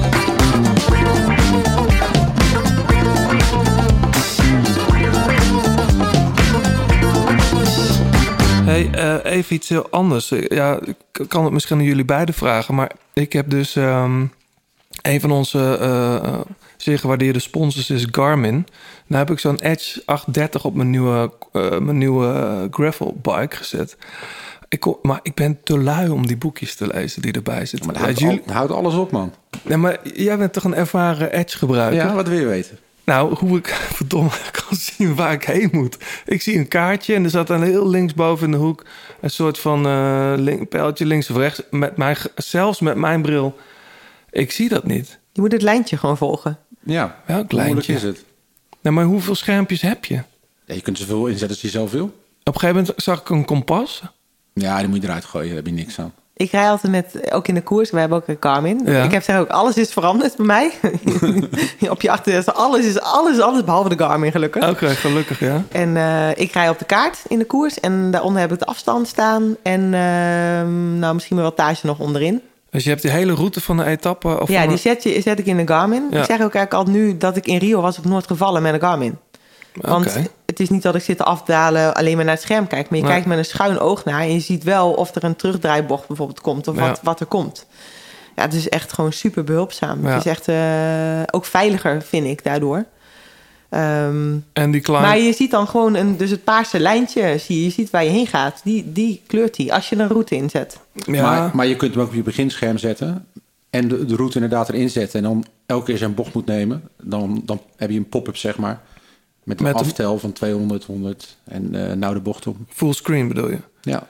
Ja, die heb ik dan nog niet gevonden, die functie. Nou, je moet gewoon even een route inplannen. Nee, dat had ik wel gedaan. Nou. Ik heb mooie gravelroutes gevonden. Dat, eh, dat, op zich is dat heel, heel fijn. Ik moet gewoon een paar. Dit was gewoon de eerste keer. En ik heb jarenlang altijd met schermpjes gereden. En op een gegeven moment dat weggedaan. Omdat ik gewoon lekker voor, voor me uit wilde, wilde kijken. Maar eh, ja, ik ga, het- ik ga het maar eens testen. Maar ik, ik kan je om hulp eh, Zeker. bellen. En die Climb Pro functie zit er ook op. Daar heb ik nog niet zoveel aan gehad. Maar dat is, ik zag het wel. Dat, dat je dus. Je ziet de percentages van een klim. Eh, vlak, vlak, vlak voordat je de bocht eh, indraait. Ja, dat vind ik dus vooral heel fijn als ik met die mannen ga trainen. Dan weet ik nog tot hoe lang ik nog moet afzien eh, bij hun in de wielberg op. Ja. Ja, dat scheelt wel. Als je ziet van eh, het is nog 10 kilometer dit tempo of eh, deze klim vasthouden. Of het is een klimmetje van 2, 3 kilometer. Maar je gebruikt dat vooral in training, die Climb Pro-functie. Ehm, nou, dan, dan gaat automatisch, Mhm. eh, eh, komt het dan inderdaad in je scherm. Ja, ik vind dat wel lekker. In het buitenland, dan weet je een beetje, hoef je ook niemand te vragen. Vroeger vroeg je altijd, hoe lang is duurt die klim nog? Ja, Weet je, want het is een beetje, het is een beetje helemaal af te zien. En dan weet je, ja, voor een kilometer hou je het nog wel vol. Maar eh, 10 kilometer gaat het dan niet lukken. Eh, en ik moet ook zeggen, het was ook echt goud waard in de coronatijden. Want ehm, het was natuurlijk best wel lastig om je ja, een beetje gemotiveerd te houden. En ik kwam wel achter dat door met die Garmin heb ik veel lol gehad. Door elke keer, één was dan verantwoordelijk voor de route uit te zetten. Ja. En die sturen ergens heen. Ik weet bijvoorbeeld Jan-Willem van het Schip woont hier om de hoek. Dus Ja. die, die gaat bijvoorbeeld dan heel graag naar plaatsen met een bijzondere naam. Echt? Dus zo gingen we naar Goor en zo gingen we naar Oventje. Maar ja, zo kom je wel. Je hebt eigenlijk een mega actieradius. En ik heb superveel van Nederland gezien. En kwam er eigenlijk- eigenlijk dus ook wel achter... dat ik in trainen in Nederland toch stiekem eigenlijk ook best wel heel leuk vind. Ja.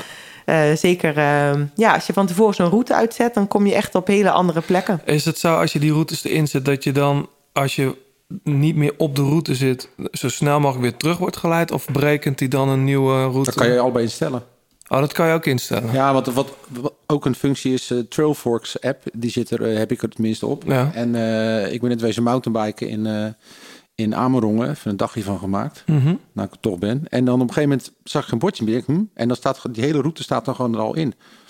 Dus het staat gewoon eh, inderdaad. eh, Ja, ik moet er nog even in duiken. Misschien Ja. toch het boekje even lezen. Nee, Ja. het boekje heb je niet nodig. Maar Nee? het wijst op zich wel van zich. Als je gewoon even een keer... eh, ja, met dat ding even in handen Ja, zitten, ik moet er gewoon iets meer tijd aan besteden.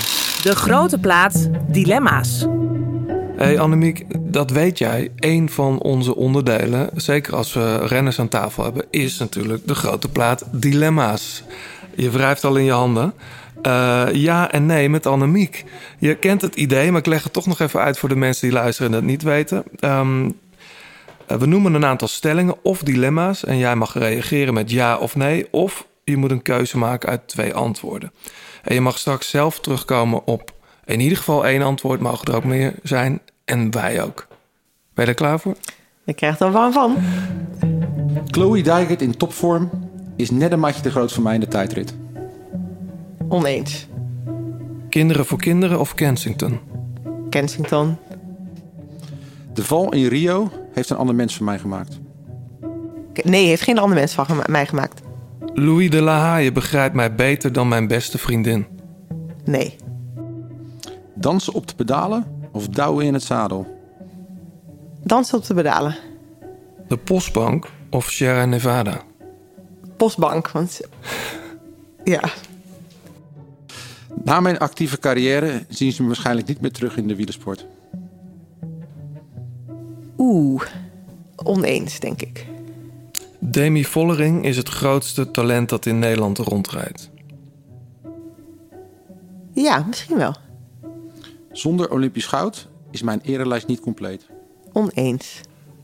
En nu komt er een waarvan ik weet dat jij per se wilde dat hij ook in de dilemma's zou zitten. Annemiek van Vleuten is een zegen voor het vrouwenwielrennen. Oneens. Wil jij nog ergens op terugkomen? Oh ja, ik denk het wel. Eh, waar moet ik... Oh ja, of Rio een ander mens van mij heeft gemaakt. Geen ander mens, maar het heeft me wel echt geïnspireerd. Dat, ik, dat was de allereerste keer, de mensen moet ik altijd even geheugen op afvrezen. Daarvoor kon ik dus niet klimmen. Ik werd, moest altijd lossen. Dus de allereerste keer in een wedstrijd dat ik iedereen wist te lossen bergop. En dat heeft me heel erg geïnspireerd tot meer en tot meer doelen stellen, ook in de klimwedstrijden. Ehm, en natuurlijk heeft ook eh, de realisatie van eh, dat je uiteindelijk niet met die gouden plek eh, om je nek staat, omdat je jezelf een onwijze stomme fout hebt gemaakt in die afdaling. Ehm, nou, dat heeft me wel gevormd als mens. Je gaat ook nadenken, was ik nu gelukkiger geweest met een gouden medaille om mijn, hek, om mijn nek? Nou, tot ja, maar die- je had, je had ook dood kunnen zijn. dat is ook. Maar dat stukje heb ik nooit zo meegekregen. Dat staat meer voor mijn buitenstanders. Buitenstanders Mhm. en, en ook mijn familie en mijn moeder natuurlijk. En mijn vrienden en familie. Heel erg op het netvlies. Maar dat stuk staat niet op mijn netvlies. Ik kon alleen maar wakker worden die eerste twee weken met... oh, als ik nou niet die bocht verkeerd had ingeschat, wat dan? Ja. En mijn vrienden en familie, ik kon natuurlijk alleen maar denken... oh, gelukkig dat Annemiek er nog is. En natuurlijk, toen ik de beelden terugzag, dacht ik... oh ja, eh, ik heb ook heel erg veel geluk gehad. Maar wat eh, mij wel heeft veranderd als mens... is het wel relativeren natuurlijk van een gouden medaille. En ehm, ja, ehm, ja dat, ik, dat ik nu ook een gelukkig mens ben zonder gouden medaille. En ook als dat in Tokio niet gaat lukken. Ehm, er zijn zoveel meer dingen. En uiteindelijk denk ik ook wel dat misschien... heeft het misschien me nog bijna nog wel meer opgeleverd als persoon. Wat ik daar allemaal heb meegemaakt.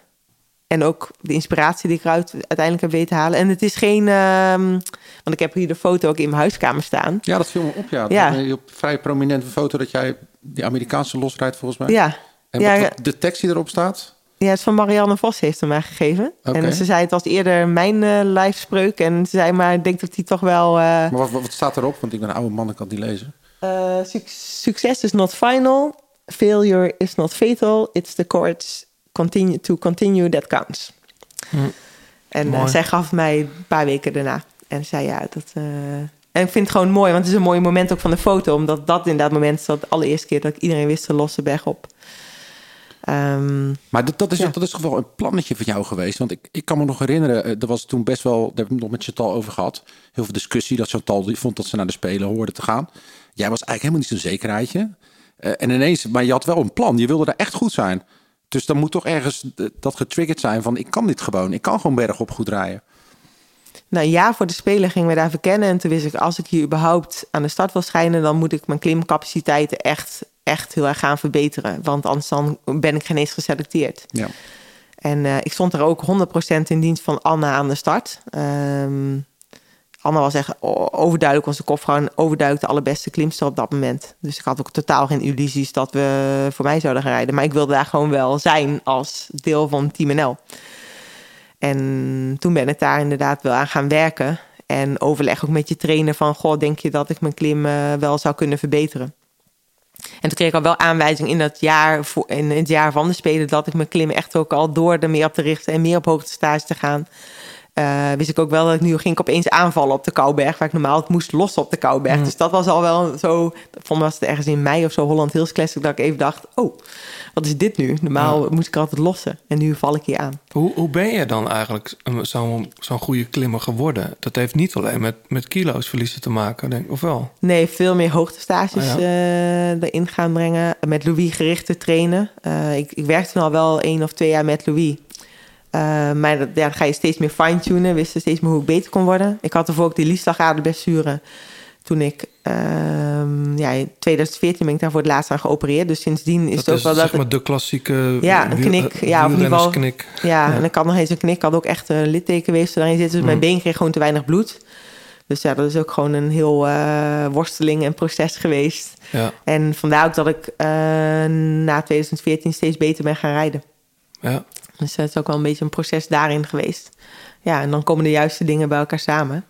Maar het is inderdaad niet alleen gewicht eh, verliezen, maar ook wel erg die hoogtestages die me ook, ja, waar ik gewoon heel goed op reageer. En met een hoogtestage staat ook samen, valt samen dat je dan ook heel veel moet klimmen. Juist. Ja. Ehm, dus ja, ik heb gewoon daar meer op toegelegd. Maar dan, dan, dan verbeter je heel erg. En je gaat inderdaad op de Kouberg aanvallen. Hoe sta je dan aan de start? Want je zegt, ik, ik, Anna was onze kopvrouw. Maar op die foto die ik daar zie, dan zie ik niet iemand die eh, op kop van Anna aan het sleuren is. Daar ben je gewoon rijden voorop. Ja, nou, ik heb op dat moment dat ik aanval, heb ik eerst aan Anne gevraagd: Anna, jij zou aanvallen, ga je nog? En ze zei ze: Ik kan niet meer. Ik kan niet. Nou ja, en dat is voor mij het moment geweest: Oké, als jij niet kan en ik voelde me nog goed, dan is het voor mij een vrijbrief om te gaan. En toen ben ik, viel ik aan en toen ben ik weggegaan. Ja. Hm. John, wil jij nog ergens op terugkomen? Eh, ja, Anders ik wel. Alles eigenlijk wel. Ja. Ehm, Annemiek van Vleuten is een zegen voor het vrouwenwielrennen. Daar praten we bijna altijd met iedereen wel even over. Ehm, en jouw antwoord is eh, nee. Nou, sowieso ben ik geen zegen voor het vrouwenwielrennen. Ehm en ik vind dat je daarmee ook het vrouwenwielrennen onwijs tekort doet. Want eh volgens mij zijn er heel veel mooie karakters in onze sport. En we vormen samen, ehm, maken we het vrouwenwielrennen interessant. En dat, is niet, dat doe ik niet alleen. nee. Ik, zag, ik luister Begrijp ook... je wel eh, de stelling die we altijd... Want eh, er is natuurlijk op een gegeven moment... Volgens mij is er ook nog wel eens een... een, een eh, nou, het was geen fitty, maar met Lucinda en jij op Twitter hier nog een keer over... Misschien moet even uitleggen. Ja. Lucinda die, die, die antwoordde nee daarop. En dat was meer op de manier zoals jij met de sport beleeft. En de, de, de, de enorme trainingsarbeid die je erin gooit. Dus ik, ik kan me voorstellen... Als je 16 bent en je ziet jou... dat je denkt, dit is de manier zoals het moet. Nou, dat vind ik, ik vond ook wat het antwoord van Lucinda. Daarom zei ik ook nee. Ik onderschreef dat eigenlijk 100%. Dat Ja. was ook dat ik tegen Lucinda voor mij toen eh, zei. Zij legde dat eigenlijk heel goed uit. En daarom ben ik ook geen zegen voor het vrouwenrennen. Het is ook best een gevaar. En dat zie ik ook in mijn ploeg. En hetzelfde trouwens met een gebroken pols gaan rijden op een WK. Dat is ook niet een geweldig rolmodel zijn.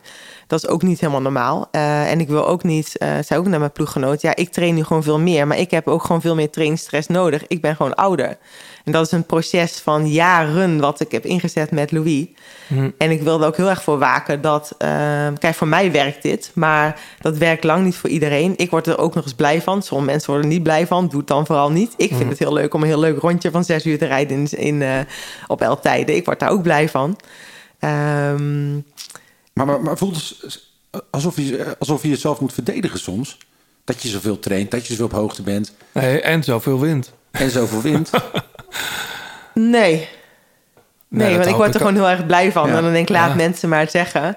En eh, ook juist niet te verdedigen. Eh, wat ik ook wel heel mooi vond, bijvoorbeeld toen de documentaire mensen hebben gezien van mij in, in Colombia op de NOS. Als mensen deze vraagtekens hebben dan Met Hancock. met Hancock, eh, vorig jaar in toen Colombia. En dat ook opende, dat vind ik veel fijner om zo mijn verhaal te vertellen. Dan zien mensen mij daar ook hoe ik mijn sport beleef en hoe ik daar ook van geniet. En ja, en dat is dan soms af en toe een lang rondje, maar ik vind het gewoon heel mooi in Colombia. En ik maak er gewoon eigenlijk zelf een feestje van. Dus dat vind ik een, een fijnere manier om het antwoord te geven als mensen denken van, oh, dat is een. eh, ja, ik vind het niet leuk als ik word weggezet echt als freak, want daar herken ik mezelf niet in. En dat vind ik met name niet zo leuk voor mijn vrienden en familie die, dat, eh, die, die mij daar gelukkig ook niet in herkennen. Ja, want zo zit het totaal niet in elkaar. Ehm, Nou, je, kunt, je kunt de stelling natuurlijk ook op een andere manier aanvliegen. Want ik vind, ik vind het namelijk wel. Ik vind wel dat je een zegen bent. Omdat wat, wat jij doet met je prestaties, met de manier waarop je de sport beleeft... en daar spat ook heel veel plezier van af. En je wint nog eens op een hele mooie manier koersen. Dat is een manier waarop je mensen naar de sport krijgt. Dus ik vind het in die zin wel. Tegelijkertijd, en dat heeft ook gek genoeg met Rio te maken... is daar een verhaal ontstaan rond jou. Niet alleen rond jou, ook een, een strijd ontstaan, gek genoeg... tussen jou en Anne van der Breggen bijvoorbeeld. En elke sport heeft dat soort tweestrijd nodig, denk ik. Dus ik, ja, ik vind je wel een zegen voor, het duurrennen. Ja, maar dan vind ik het net al Anne net zo goed. Want dan zijn we samen ook eh, dat we zorgen voor die battles. En, trouwens, en ook, ik, daar vind ik ook wel lastig dat we soms het vrouwenrennen wordt gereduceerd tot Annemiek en Anna. Maar er zijn zoveel eh goede rensters. En daar, Zeker. ook, daar doe je ook het vrouwenrennen heel erg mee tekort. Door te reduceren tot ons. Dus vandaar dat ik dan ook sneller nee zeg. Ja. Ik vind het wel mooi hoor, dat jij het ja zegt. En ja, ik doe het op mijn manier. Maar er zijn ook andere meiden laten zien die, die eh, halen hun prestaties op een andere manier. Dus het is ook goed dat dat er belicht. Dat niet mijn weg eh, de weg is die er moet zijn. Nee. En ik wil, en daar ben er wel bewust van dat ik ook een goed rolmodel wil zijn voor eh die jonge meiden die gaan fietsen. En niet dat ze denken dat dit nodig is. Dus dat benadrukt dan bijvoorbeeld ook heel erg naar mijn Movistar ploeggenoten. Van hey, dit is, voor mij werkt dit. Eh, ik heb dit nodig, maar ehm, ja, ik moedig dat, bij hen absoluut niet aan. Nee. Nee. Nee, maar ik, ik kan me dat Ja. voorstellen, weet je, dat, dat inderdaad, als, als jij jezelf als rolmodel zou zien, je, dan, dan ik- als, als iemand van een junior dame van 16, Ja. die ziet Annemiek van Vleuten en die, die ziet jou alleen maar in het buitenland. En je bent natuurlijk ook veel harder gaan rijden, ook, want je zegt net hoogtestages en Ja. veel met klimmen, maar toen je veel afviel. Weet je, en we hebben natuurlijk in de jaren 90 ook gezien met Leontien, dat het best wel, ja, dat jonge meiden dan bijvoorbeeld anorexia ook op de loer ligt. Ja, nou, bij mij is dat dan drie kilo of twee kilo wat het verschilt. Dus Ja. eh, dat valt dan mee. Ik, wil heel graag Bij het, de het heren trouwens rolmo- net zo, hè? Ik wil het rolmodel zijn dat ik uitstraal dat ik plezier heb in mijn sport. Ja. Naar de jonge meiden. En voor mij zie je dat ook heel erg terug in dat Colombia. Daarom vind ik dat een heel mooi hoe ik mijn sport beleef en hoe ik train, maar ook met plezier. Nou ja, En- Louis, ik heb gisteren Ja. nog even met, uitgebreid met Louis zitten appen. Eh Luigi, eh jouw trainer, al negen jaar denk ik werken Ja. jullie samen. Ja. En die zegt ook, jij bent echt een type, dat zien niet alle mensen. Misschien wel door dat Colombia-verhaal, maar je bent wel een avonturier ook. Je wil gewoon dingen uitproberen, plezier maken. En eh, ja, ik denk, als je tegen een trainer zegt... nou, ik wil deze winter naar Colombia... dat, dat niet iedereen denkt, hm, zou je dat nou wel doen? Nee, dat klopt. Maar hij dat weet dat ik daar blij van word. Ja. Ja. Voor En- mij is dat, ik, zeg, ik noem dat mentaal gratis trainen. Mentaal gratis trainen, die Ja. ga ik onthouden. Ja. dan kom ik terug van een vier weken kaart trainen. En misschien wel voor uren. Ik heb geen idee hoeveel uren, want dat hou ik helemaal niet bij. Andere mensen maken zich daar heel druk om, ik niet. Ehm, maar dan kom ik gewoon terug van vier weken daar eh, trainen. En dan heb ik gewoon een geweldige tijd gehad. Ja. En ehm, dat, eh, ja, mentaal gratis. Ik bedoel, eh, mijn is- maximaal blokjes zijn niet mentaal gratis. Die Nee. kost me echt mentale energie om me Nee. daarop te verlaten. Maar Louis vindt dat ook een, dat- misschien je- dat jouw grootste talent. Dat je de, die balans tussen je, de accu opladen en de accu leegtrekken, zoals hij dat noemt. Ja. Die, dat, Ja. dat beheers jij als geen ander. Ja, ja en, en daar wil ik ook wel heel graag dat Romme zijn. Voor mij ben ik heel erg in balans. Ik bedoel, ik ben ook nog nooit overtraind geweest. Ik doe Nee. gekke dingen. Nee. Maar, eh, en ik zoek de grenzen op. En ik ga buiten mijn comfortzone, Ja. maar, maar niet erover. nee. Ik weet wel wat ik doe. En, en met plezier. Ik ben ook geen dwangmatige sportster, absoluut niet. Ik dacht wel even de, in het begin van de winter. Ja, dat is misschien heel stom. Ik volg jou natuurlijk ook op Strava, net als velen. Toen zag ik een tijd helemaal niks op Strava. En toen dacht ik, dit heeft toch niet te maken met die vorige winter. Toen jij, toen iedereen kon zien dat de kilometers die jij maakte... Volgens mij was Bernal de enige die boven jou stond af van de profrenners. Misschien zat ze wel een expeditie roze. Oh, dat kan ook nog. Nee, Ja. maar ik vond het wel eh, opvallend. Ja, ik was even van de radar, omdat ik wist dat Nederland zat in lockdown en ik was gewoon niet in Nederland. En Nee. dat eh, vond ik gewoon niet zo fair om dan allerlei holiday foto's eh, online te zetten. Dus ik dacht, soms ook even rustgevend om even inderdaad die telefoon even lekker aan de kant te gaan. Ja. Ja, dus ik... eh, het was niet om je nieuwe trainingsgebieden af te schermen... of te laten zien hoe goed jij al bezig was. Nee, nee ik was in december weer terug naar Colombia gegaan. Ik werd uitgenodigd door eh, twee jongens. Mhm. Simon Pello. En eh, die had een heel leuk plan om tien dagen rond te gaan trekken in Colombia. Van A naar B met zijn vriendin die ook masseur is in de auto erachter. En eh, Brian Chavez, de, eh, de broer van Esteban. Ja. Dus ik heb heel veel van Colombia gezien. Dus Wat ik heb heel veel mentaal gratis getraind in december. Op de, op de koersfiets of eh, mountainbike? Nee, op de, op de wegfiets. Echt ja. de wegfiets, echt. Ja. Leuk. ja, dus dat was echt een geniale tijd. Ik heb heel veel van Colombia gezien. Ook goed aan mijn Spaans gewerkt, was ook fijn. Ja. Dat was ook wel een fijne warming-up. Wist je, toen, ja, toen wist je al dat je natuurlijk naar Mobistar ging.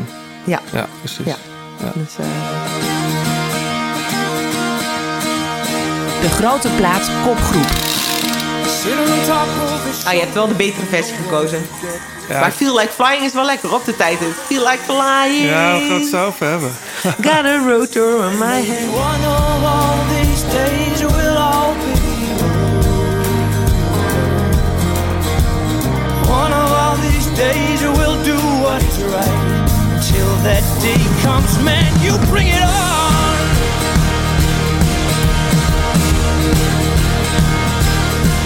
Ja, Annemiek, dit heb jij meegenomen. Raccoon. Volgens mij, ik, ik kwam meerdere Raccoon tracks tegen in jouw opwarmplaylist. Maar eh, dit vond ik zelf dan de mooi, mooiere. Maar Feel Like Flying is eigenlijk je favoriet. Ja, voor de tijdrit ga ik daar wel, eh, ga ik daar wel, wel lekker op, ja. Maar ik hou veel van muziek van Nederlandse bodem. Ja. Eh, en niet per se de mensen denken dan dat het Nederlandstalig moet zijn. Dat juist liever eigenlijk weer niet. Ehm, maar ik ga ook wel eens naar een concert van Raccoon.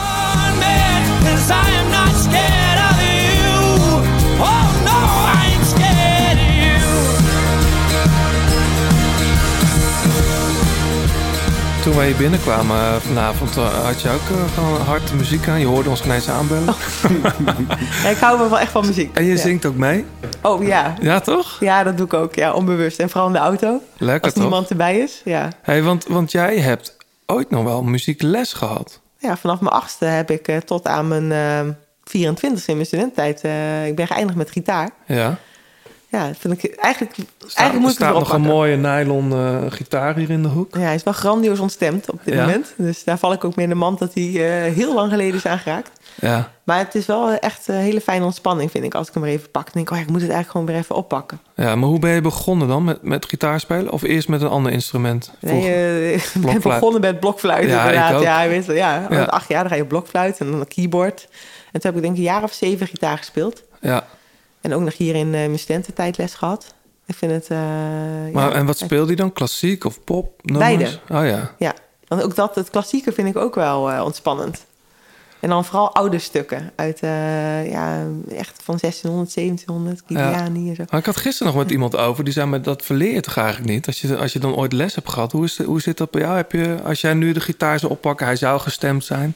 Ja, nee, ja, ik ben geen natuurtalent. ik kan beter fietsen dan gitaar spelen.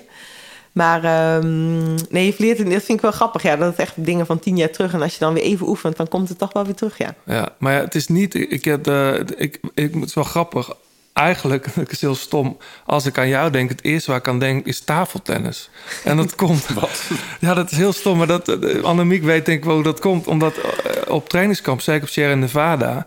Ja. naast het trainen is het natuurlijk best wel saai. Wat doe je daar? Ja. Ja. En zeker Sierra Nevada tot topsportcentrum. Er zitten vaak nog andere topsporters uit andere disciplines. En dan wordt er s'avonds, net als op de camping, wordt er getafeltennist. Ja.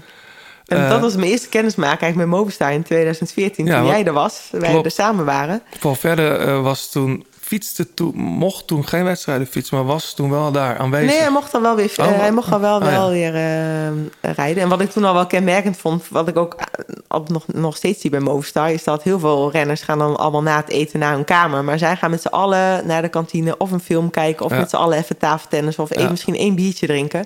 Dat sociale, dat zit er heel erg in. En ja, ik werd er ook gelijk bij in betrokken. Dus ik was aan het tafeltennis tegen Van Ja. Verden. Wat ik echt weet dat hij, hij kan alleen maar opslaan. En dan slaat hij die bal met zoveel effect. Ja. Dat, ik, dat je hem voor echt geen mogelijkheid terug kan eh, slaan. Maar dat is ook het enige wat hij kan. Hij kan alleen opslaan. En dan ligt hij echt onder tafel van het lachen als een klein kind. En dat is me altijd nog bijgebleven. Maar, eh, maar dan heb je dus heel vaak gewonnen van hem, of juist niet, met tafeltennis. Nee, ja, ik kom er niet verder. Ik kreeg die opslag van hem gewoon niet. Dat Oh, het net echt? over terug. Ja. Maar Lobato, die reed toen ook. Die was ook echt gewoon extreem goed. En die gasten zaten er toen zo vaak. Ja. Die konden echt eh, heel goed tafeltennis. Nou, waar, waar, waarom ik erover begin, omdat ik denk, ja, zo'n gitaar, die kan je toch ook, die kan je ook meenemen, of niet? Of is dat te veel gedoe? Ja, is te veel gedoe. Al veel gedoe, ja. Ja. Hij heeft een gitaartje mee. Bij sommige eh, vliegtuigmaatschappijen mag hij gewoon, eh, in, in- hoeft hij, eh, ja, dan mag hij zomaar. Hij, hij zou ook gewoon met, met de materiaalbus mee kunnen. Maar ik denk dat ze daar niet zitten te wachten hoor. Dat je, Nee, maar ik kan me voorstellen, het lijkt mij heerlijk om s'avonds dan nog even wat te spelen. Er zijn wel renners die het doen hoor. Nou, zou, zou je kamergenoot dat ook zo leuk vinden? Dan weet ik niet, dat hangt van je van het spel af, Annemiek. Nou, soms nu denk ik ook, ik zie sommige die baanwielrenners, zag ik dus dat er allerlei Playstations mee gingen. Dan denk ik, nou, dan zou zo'n gitaar misschien dan nog wel kunnen. Ja, maar de laatste keer dat je gespeeld hebt? Ja, is echt, eh, in corona heb ik hem nog even tijden. Dacht ik, misschien ga, moet ik het weer even oppakken. Maar toen Ja. heeft toch de Spaanse cursus het gewonnen van de gitaar. Ja, precies. Hey, eh, Bring It On van Raccoon draaiden we net. Wa- waarom waarom vind je dat mooi, Raccoon? Is dat, heeft dat een speciale plek?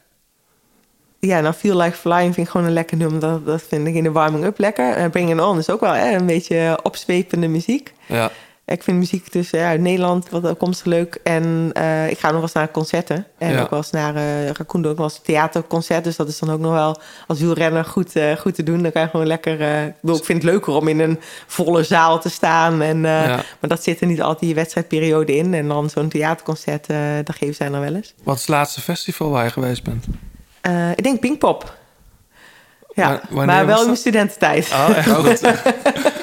Wat? De Randall speelt. Wat staat er nog Met voor? Ramstein, weet ik Oh, nog wel. Dat was toen slotact. Ja, nee. Dat, en toen hadden we heel mooi weer. Dus het was echt geniaal, ja. Dus eh tentje erop zetten. Dat is dat is wel heel leuk dat ik later ben begonnen. Ik heb eigenlijk een soort ja, twee levens gehad. Ja. Heel onbezorgd. eh, ook dat soort dingen. Ja, soms blader ik nog wel eens door mijn studententijd eh, fotoalbum. Dan komen er toch wel weer eh, heel veel glimlachen en herinneringen terug. Ja. Maar, maar mis je dat dan niet stiekem toch een beetje? Nee, Dat soort dingen gewoon lekker... Nee, er is overal wel een beetje ook een tijd voor. Ik vind het gewoon Ja. heel goud dat dat heeft meegemaakt. En door mijn vrienden van toen, die hebben nu ook niet meer dat leven. Nee, dat is waar. Dus eh, op het moment dat ik serieus ging fietsen, gingen zij werken. Dus eh, eh, wat dat betreft was het gewoon een supergoeie timing. En het is wel heel leuk om nog steeds contact met hen te hebben. Dat, eh, dat is wel, vind ik, wel heel een verrijking ook. Dat je, dat je niet alleen maar tussen de wielrenners zit. Dat je ook gewoon nog je studentenvrienden hebt die Mhm. nu allemaal werken. En dat houdt je soms ook wel even hè, back to reality. Dat je soms zit je een beetje met je oogkleppen op. Maar je denkt, ja, er is ook nog wel meer in het leven. En het is wel leuk ook eh, om eh, hun te blijven volgen. En ja, waar zij tegenaan lopen. Maar, maar is, is het lastig om een balans te vinden als je aan de ene kant zoveel reist, zo gefocust bent op die sport en ook je sociale netwerk een beetje op peil te houden? Want ik, ik zie aan eigen vriendschap, op een gegeven moment verwatert dat en dan, dan is dat dan, of je hebt ook vrienden die, die zie je één keer per jaar is het ook goed. Weet je? Dat zijn dan die echte vrienden. Ja, klopt. Ik probeer wel een beetje mijn kring beperkt te houden. Het is niet dat ik eh, twintig vrienden nog bij kan houden. Dus ik hou het meer een beetje bij tien vrienden. En dan merk ik ook wel dat de vrienden die hier in Wageningen wonen... is gewoon makkelijker om daar even mee af te, eh, te spreken. Die vrienden van het studentenhuis hebben dus nog een hele fanatieke kolonisten van Catan... uitbreidingssteden en ridderscompetitie. Oh, wow. En dat doen we al twaalf jaar of zo. Ja. En eh, ongeveer één keer in de maand spelen we nog steeds. Dus nu even onhold door de corona. Ja. Maar ehm, ja, dat is gewoon eh, goud om die elke keer weer zo te zien. En nou, ja, dan zie je ze ook met z'n vieren bij elkaar. Ja. Hey, en vrienden, vrienden of vriendinnen in het peloton? Zijn die er? Ja, ik denk dat ik... ehm, ik zou ze niet echt vrienden willen noemen. Maar het is wel, bijvoorbeeld als ik op hoogtestage zit... dan eh, nodig ik regelmatig eh, meiden uit om... eh, ik kom hier mij eten. Mhm. of, en dan vooral ook vind ik het bijna nog leuk... om meiden van andere culturen uit te nodigen. Dus ik had laatst dit jaar allerlei Italianen bij me langs. Leuk. Ehm, dat is ook wel een van mijn dingen die me energie geeft in het fietsen. Dat ik met veel meiden van andere culturen en mensen met andere culturen werk. En dat vind ik ook wel weer een verrijking. Ik bedoel, ja, hè, uiteindelijk fietsen, hard fietsen is maar zo smal. En ja, bijvoorbeeld dat je nu ook weer bij Movistar krijg je die prikkels weer een beetje. En dan, ehm, ja, ik vind het ook wel heel, eh, heel tof dat ik bijvoorbeeld die, die Colombianen die ik dan weer heb ontmoet. Ja, laat je toch ook wel even af en toe eh, met andere blik naar je eigen cultuur eh, Ja. kijken. En eh, verfrissend. En ehm, ja, misschien denk ik af en toe, nou Nederland, wij kunnen wel ietsje minder klagen bijvoorbeeld. Mhm. Maar Het is nog wel een uitdaging voor Italianen koken. Die zullen wel... Oh nee, ik kook niet. Ik Oh. noos ze uit in mijn hotel en dan Oh, kopen ze lekker bij mij eten. Ja, ja. Maar trouwens ook het sociale leven, wat een voordeel van mij is dat ik... ik wil, aan de ene kant is het jammer dat je nog niet die georganiseerde hoogtestage hebt vanuit de ploeg. Staat tegenover dat ik iets meer het voordeel heb dat ik het... Als je het zelf organiseert, kan je af en toe nog even vrienden langs laten Mhm. komen. En dan zeker in de eerste paar dagen van zo'n hoogtestage ben je nog niet zo hard aan het trainen. Dus dan, eh, dan komen ze regelmatig. eh, ik weet niet, ik denk dat ondertussen wel wel in mijn hotel in Italië wel twintig eh, vrienden zijn langs geweest en familie. Ja. Ja. Ik heb ook nog wat meegenomen. Ik weet niet of het jullie kopje thee is. De grote plaat kopgroep. I'm going to the river where the current rushes by.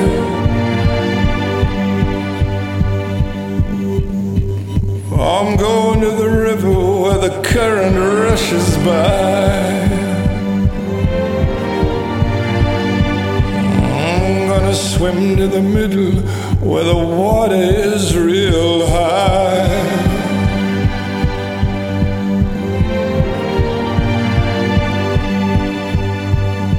Hand of God coming from the sky. Ja, ik was nogal verrast vorige week, John. Jij wist dat misschien wel als, Nee, als ook niet. journalist. Nee. echt gedropt. eh, Een nieuwe eh, LP, ja, 40 minuten toch wel LP te noemen, van Nick Cave en Warren Ellis. Wel apart of grappig trouwens dat ze dat onder de noemer Nick Cave en Warren Ellis doen. Je hebt Nick Cave en The Bad Seeds, maar Warren Ellis is eigenlijk altijd betrokken bij Nick Cave. ja, en platen. eh, de, die andere project van, van hun. Weet het ook weer? Die, die, die filmscores bedoel je? Nee, maar het, eh, god weet dat nou? Nou, maar- Grinderman.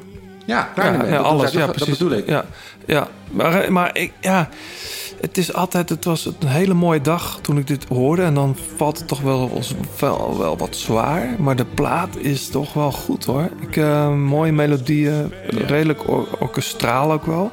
Wel wat, wel wat elektronischer ook hier her en der in de, in de, in de ritmes. En ook gitaar, Annemie. Ook gitaar.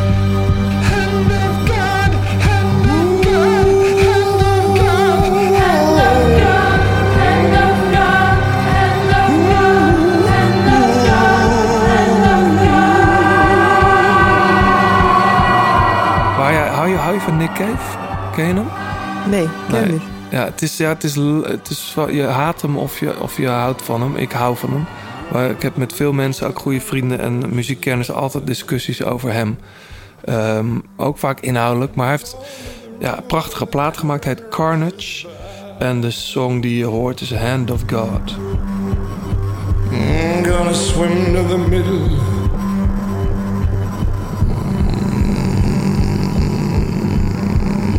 Mm, Stay out there a.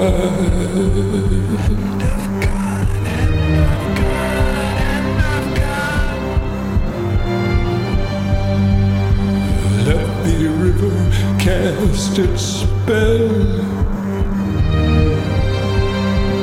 on Hey, iets heel anders. Ehm, ik zag net een mooie canyon in de gang staan.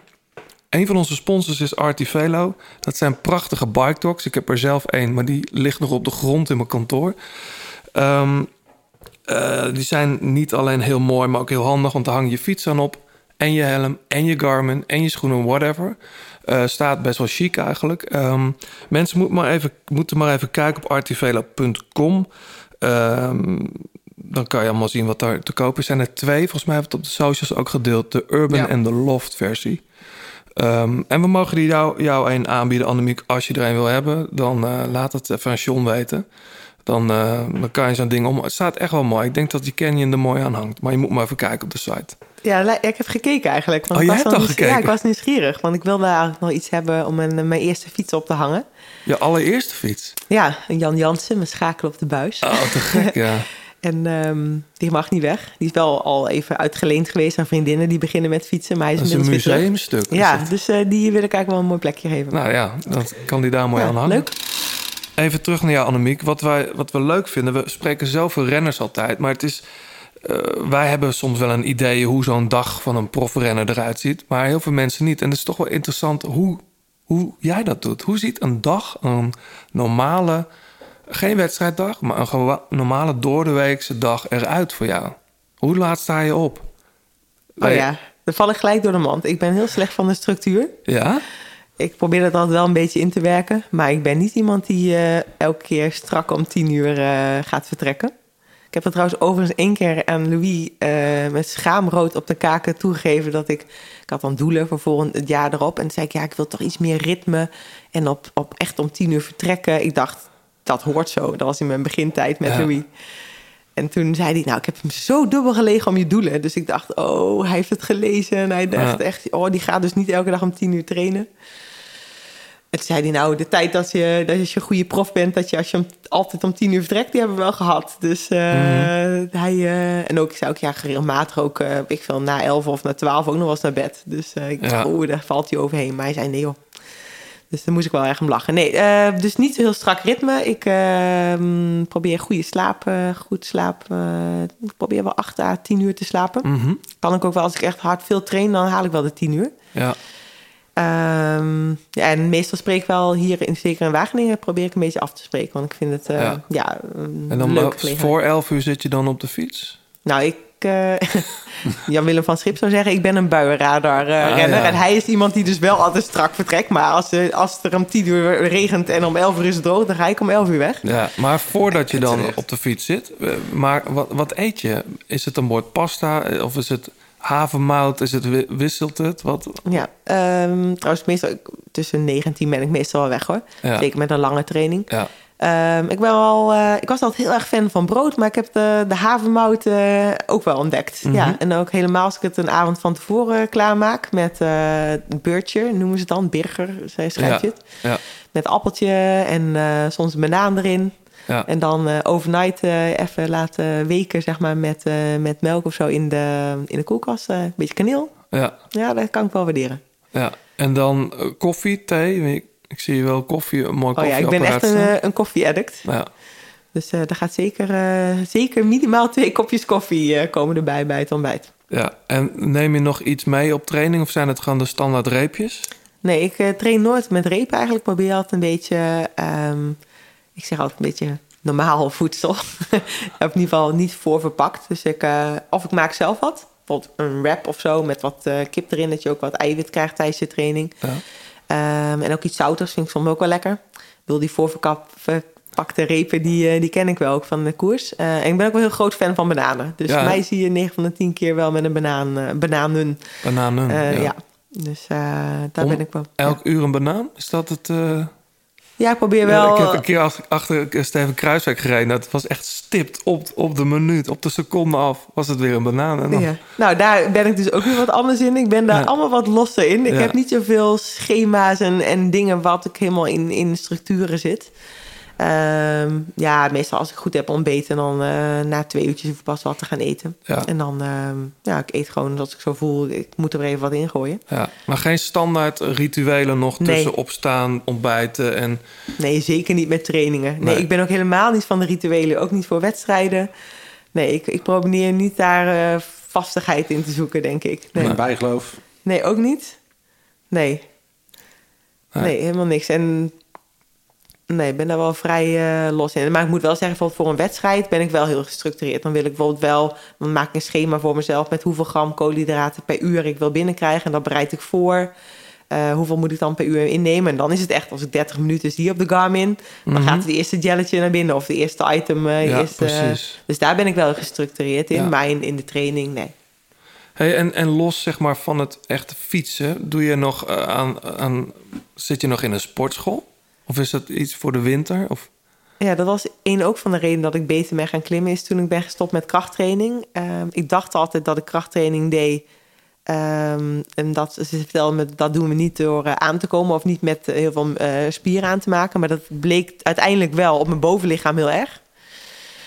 En daar ben ik eigenlijk de meeste, het meeste gewicht in verloren. En daar, is nu de grootste reden dat ik ook ehm, wat beter ben gaan klimmen. Dat doe ik dus helemaal niet meer. Ehm, dat was eigenlijk na Rio dacht ik, geef mezelf even een sabbatical. Ik, eh, ik laat die krachttraining, vond ik nooit zo leuk. Denk, ik ga dat even een jaartje even laten zitten. Ja, en toen, ja, het was vertrokken. Dus ehm, qua klimmen in ieder geval. Dus toen dacht ik, nou, dan gaan we dat, eh, dat eh, sportschool, dat doen we niet meer. Daarvoor was ik ook iets meer een klassieke renster. Dus voor een klassieke renster of een sprinter geloof ik er wel in. Ik ben ook gewoon een beetje veranderd als, als renner. En meer een, een klimmer geworden. En dan geloof ik er wat minder in. ja. En, maar, en stretchen, core stability, dat soort dingen. Of yoga, hoor je doen ook nog wel wat renners. Ja, je lacht.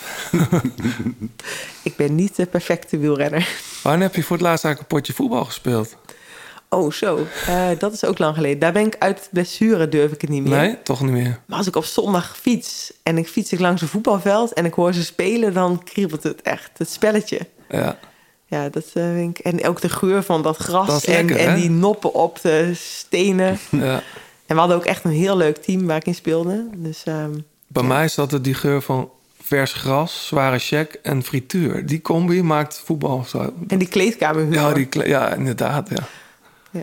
ja. Hey, jij traint hier natuurlijk ook veel als je in Nederland bent. Wat is nou je favoriete rondje? We hadden het voor de opnames even kort over. Ik weet hem wel, maar Ja, dan kom ik even terug op de stellingen. Ja, de postbank is wel echt mijn favoriet eh, gebied. En zeker niet op zondag, maar, Nee. want dat is veel te druk daar. Maar zo door de week vind ik het wel echt een geniaal mooi eh, gebied in Nederland. ja, waar, waar ga je er altijd op? Zeg maar, waar begin je? Ja, meestal een beetje afgezaagd begin je dan zo. De, wat is het daar? Emma Pyramide. Vanuit. Roosendaal. Ja, maar Ja. probeer ook wel weer een beetje... Met de Garmin's dan ook wel weer leuk... dat je wat, eh, wat andere klimmetjes pakt. Ja. Rozenbosje vind ik heel mooi. Lange juffer. Ja, als, vooral als het echt rustig daar is door de week. In, in het weekend kom ik er niet. Dan, Ja. dan eh, vind ik er veel te veel mensen. Dus de, volgens- de, de rust vind ik... maakt het ook mooier als er bijna niemand is. Ja. Maar eigenlijk, jij hebt de Garmin daar toch niet meer nodig? Je kent elk, elk Nee. paardje, elk weggetje. Nee, dat klopt. En doe je de Italiaanse weg nog wel eens? Zeker. Ja? Die, die is onderlangs, zeg maar, je kunt van Wageningen via Renkum langs eh, richting Doorwerd, Veerdorp. En daar ligt, ja, het is heel grappig. Het is een, de Italiaanse weg. Ja. Maar het ziet eruit als een Vlaamse klim eigenlijk, Ja, hè? Met klinkertjes. Met klinkertjes. Ja. En En een, drie minuutjes is die ongeveer. Maar twee haarspelbochten Ja, zitten voor erin. jou drie minuten. ja, voor jou Dat is drie voor minuten. zeven, denk ik. Maar dat, is- ja, dat, dat is wel... Ik ging hem altijd op. Als het, eh, tenminste, als, het, als die nat ligt, vind ik hem niet zo lekker. Nee. Kan ook prachtig mountainbiken in dat gebied. Ja. Inderdaad, dat zag ik laatst, ja. Ja. ja. Maar dat is... eh, en, en de kant van Renen, ga je daar ook nog wel eens op? Zeker, ook. ja, met de mountainbike helemaal. Want daar is echt het, eh het mountainbike Walhalla, vind ik. Ehm je zit daar iets meer in, de, in tegen de rivier aangeklemd. Dus daar ga ik eerder naar Nijmegen toe. Ja, of eh. Duitsland in, Kleven. Ja. Die kant op. Ja. Ik Groesbeek. Ook echt heel mooi. Dat, ja, alles, dat Nijmegen is voor mij ook 25 kilometer. Dus Precies. ik heb echt ongekende mogelijkheden hier. eh. Ja, dan ga je bij Heteren de brug over of zo. Ja. ja. Hey, is er nou ook een, een klim in de buurt hier in Nederland waarvan je denkt, oh ja, die, die, tijdens de trainingen, als ik die oprijd dan, en dat geeft me dat gevoel, of ik heb die tijd, dan weet ik dat ik goed zit, of dat ik goed op, goed op weg ben naar een vorm, of is dat in Nederland lastig? Ja, vroeger zocht ik wel heel erg die bevestiging in die klimmen en tijden en in wattages. En laat ik nu helemaal los. Oh ja? Dat vind ik wel lekker. Ja, dat heeft Louis mij ook wel, denk ik ook wel bijgebracht. Ik geloof heel erg in het proces en in, in de trainingen die we doen. En ik zoek niet meer zo door die bevestiging. Kwam ook wel een beetje door de liefdagader trouwens. Dat ik dan heel erg de bevestiging ging zoeken in wattages en in... eh, en nu is het meer gewoon dat ik denk, oh, ik heb lekker getraind en ik heb hard getraind, een goede training afgewerkt. Het zal wel goed komen. Mm, En eh, in het slechtste geval heb ik een goede tijd gehad. ja, Ehm, dus nee, ik, ik zoek dat eh, meer de bevestiging denk ik, gewoon in de koersen waar het in komt van, oh ja, ik, nou, ik ben echt. Daar gaat het eigenlijk ook om natuurlijk tegen, ten opzichte van je concurrenten, hoe je ervoor staat. Tuurlijk. Ja. Het is wel lekker om te meten. Ik heb hier de Keienbergse wegtraining. Die staat wel een beetje eh, Van, berucht. is dat vanuit... Van, ja, vanuit... eh Bennekom dan? eh, Of de nee, de andere andere kant kant op? op. ja. Ja. En tegenwoordig val ik hem elke ja, keer aan. kijkt mij aan, maar dat is mijn oude achtertuin. Mijn ouders wonen Ja. daar om de hoek. Ja, ik Dus ik, dat was vroeger mijn route naar school. Tussen Renkum en Edem, altijd over de Keienbergse weg. Ja, als ik drie minuutjes moest invallen of zo, dan pakte ik die wel eens. Ja. En nu tegenwoordig val ik hem aan met de buurman. Oh ja? Want dan probeer ik voor de buurman eh, een lead-out te doen en dan eh, pakt hij zijn PR. En dan proberen. begin je dan op de, de rotonde in, in Renkum Ja, iets aan... daarna. Oh ja. Ja. ja. Grappig zeg. Hij heeft ook een, een Strava-segment. Dus mensen, je kunnen hem aanvallen. Eh, intervaltraining, Annemiek van Vleuten of zo. Heel goed, heel goed. Nou, check hem. Hey, we zitten nog heel even in, jou, in jouw dag. Hoe, dan kom je thuis van training. Hoe, heb je dan al, staat er dan al een potje klaar? Of moet je dan nog gaan koken? Ja, ik hou heel erg van koken.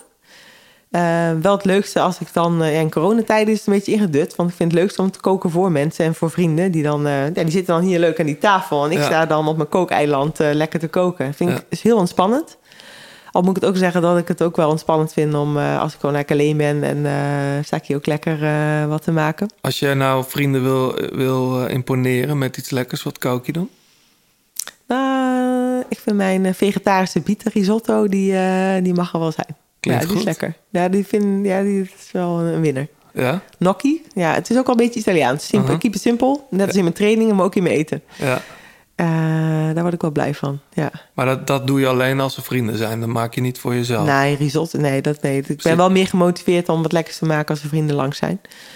Ehm, maar nee, ik, ik, eh, gewoon douchen en even wat maken. Ik heb, nee, ik heb niet echt structuren daarin. En geen vaste dingen. Nee. Lekker toch? Ja, Ja, het ik, hoeft ook ik, helemaal niet. Ik trek de koelkast open en denk, nou, eh, ik wil iets met combinatie met eh, koolhydraten en eiwitten. En eh, ja, wat zal ik eens maken? Ja. En s'avonds gaat er dan Netflix aan? Nee, ik heb geen Netflix-account. Oh, je kan ook gewoon leven zonder Netflix-account. Ja, dat kan. Oh, dat wist ik ik helemaal heb niet. alleen wel even kunnen lenen om de Movistar-documentaire te Ja. kunnen kijken. Want anders had ik die niet kunnen zien. Nee. Ehm, ik eh, probeer wel een beetje het nieuws bij te houden. Vind ik wel leuk. Mhm. Ehm, NPO is eh, de, op één is dan wel eens een programma dat ik niet echt kijk, maar meer op de achtergrond heb aanstaan om een Ja. beetje wat mee te krijgen van, nou ja, zeker als je in het buitenland zit, dat je nog een beetje op de hoogte blijft van wat er in Nederland gaande is. Ja, precies. Maar geen Netflix, ja, dat hoor je niet vaak bij renners. Nee. En sterker nog, ik begrijp dat jij in seizoen 3 van de, van de Mobistar-serie zit straks. Ja, ik ben benieuwd. Ja, dus voor mij hebben we nog weinig spectaculairs kunnen filmen, maar misschien gaat dat nog komen. Maar er wordt al wel gefilmd, toch? Begrijp ik, ja. Ja. Maar ben je een lezer dan?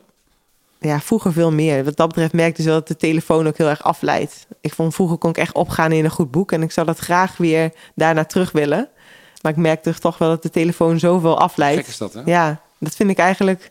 Dus daardoor zei ik ook van ik wil eigenlijk niet zoveel in die telefoon zitten. Ja. ja, omdat je ook zei, kijk op één, op de, op, een beetje op de achtergrond. Dan ben je Ja. dus iets anders aan het doen. Ja. Waarschijnlijk op je telefoon. Ehm, nou ja, soms, eh, ja. of soms kan ik wel op één oude aflevering dan koken tegelijkertijd of zo. Ja. ja. Hey, wie maakt je fiets eigenlijk schoon? Doe je dat zelf? Ja, dat doe ik zelf. Sterker nog, als ik inderdaad bijvoorbeeld met de buurman ga fietsen, dan maak ik hem ook voor de buurman van regelmatig schoon. Oh, dus hij, dan, hij moet dan door naar een een of andere kool. En dan, eh, ah, dan maak ik hem even voor me schoon. Nee, dat doe ik zelf. Dus eh, geen probleem. Grappig zeg. Hey, we, hebben nog, eh, we hebben nog tijd voor een liedje. Ik denk dat ik... eh had nog iets meegenomen. John, die, die nieuwe Balthazar had je het over. Once I had a choice to become better, one I couldn't make before I walked away. Once I had a choice to become better, one I couldn't make before I walked away. Wat zei je nou? Ja, ik heb altijd meestal twee playlists. Ook bijvoorbeeld in de Giro. De Energize list. Ja. Dus meestal voor de koers. En een, een beetje chill en recovery eh, playlist. En deze gaat daar wel in. Ja, dit is, dit is Leaving Antwerp heb jij meegenomen. Dat is de nieuwe Balthazar. Ja, onze, onze Vlaamse vrienden. En eh, ik vind het echt een eh, soundtrack voor, eh, voor de nacht. Oh ja? Dat je in de auto zit zo. We straks naar huis rijden. I had a choice to become better, one I couldn't make before I walked away. Yeah, once I had a choice to become better. Ik hou, ik hou daar wel van hoor. Van Ja, dat ik soort, eh, platen. Ik heb hem nog niet helemaal eh, bekeken. Ik zat iets te veel in die Nick Cave plaat. Heb je soms. Ik ga hem zeker even checken. Ja, en die jongens en meiden. Nee, volgens mij is de dame eruit. Dacht ik. Of is ze weer eh, vervangen door iemand. Maar goed, eh, ze gaan eh, weer een hoop toeren, zag ik ook. En eh, ook als de festivals weer mogen beginnen... zullen zij zeker overal eh, in, de, in de tenten staan. Je luistert nog steeds naar De Grote Plaats. Alle liedjes in deze en vorige afleveringen luister je in zijn geheel terug in de playlist De Grote Plaats Songs op Spotify.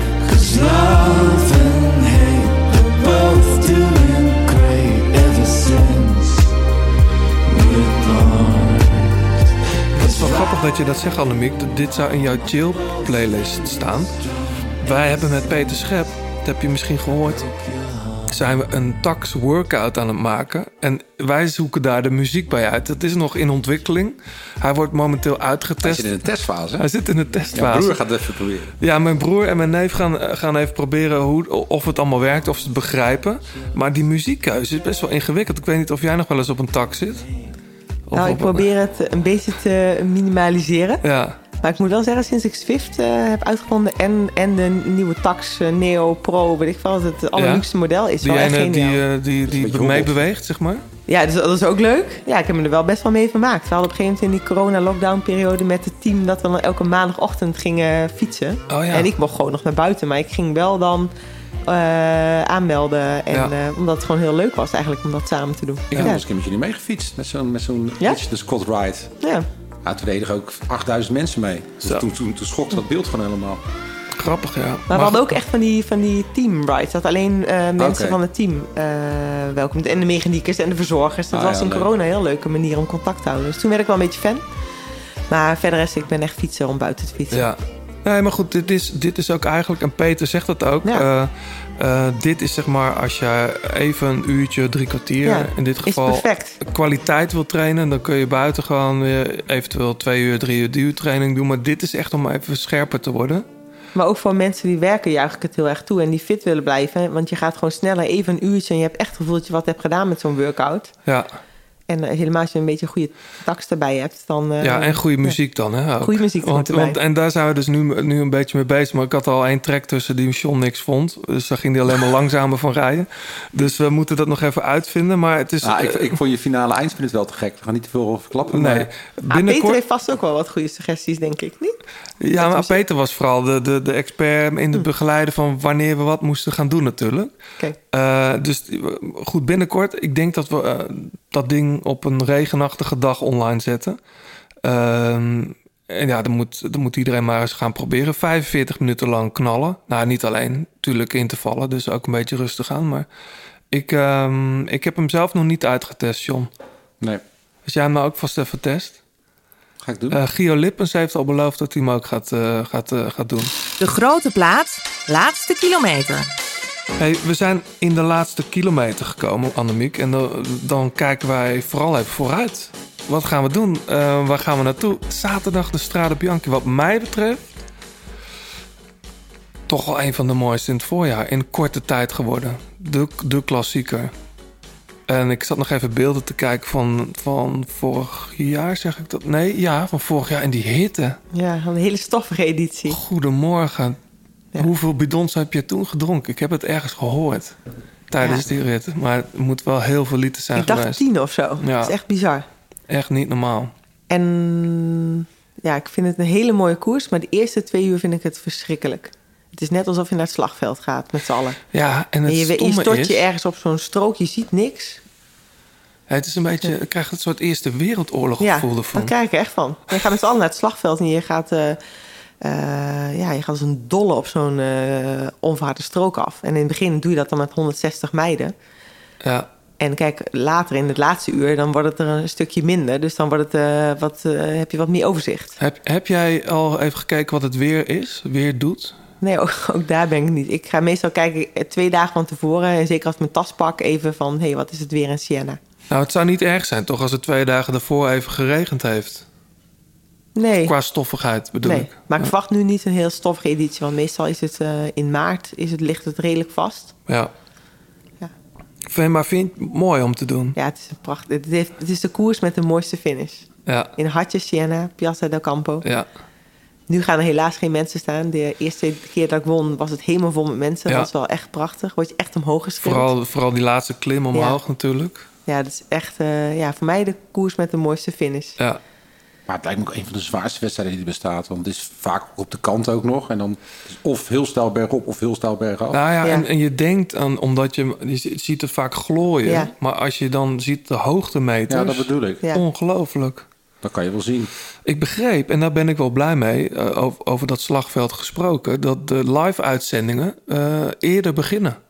Eh, dik bijna anderhalf uur eerder beginnen. Ah, nice. Want heel vaak, je komt die, die live-uitzending in en dan is de verslaggever of de commentator eerst drie uur bezig om te gaan vertellen wat er allemaal van moois gebeurd is. Maar dat heb je nooit gezien. Nee, je mist heel veel. En, en dan nog is het heel moeilijk voor hun om in beeld te brengen, volgens mij. Want Ja. vorig jaar toen ik sprong ik over, eh, uit de achtergrondengroep, sprong ik over naar de kopgroep.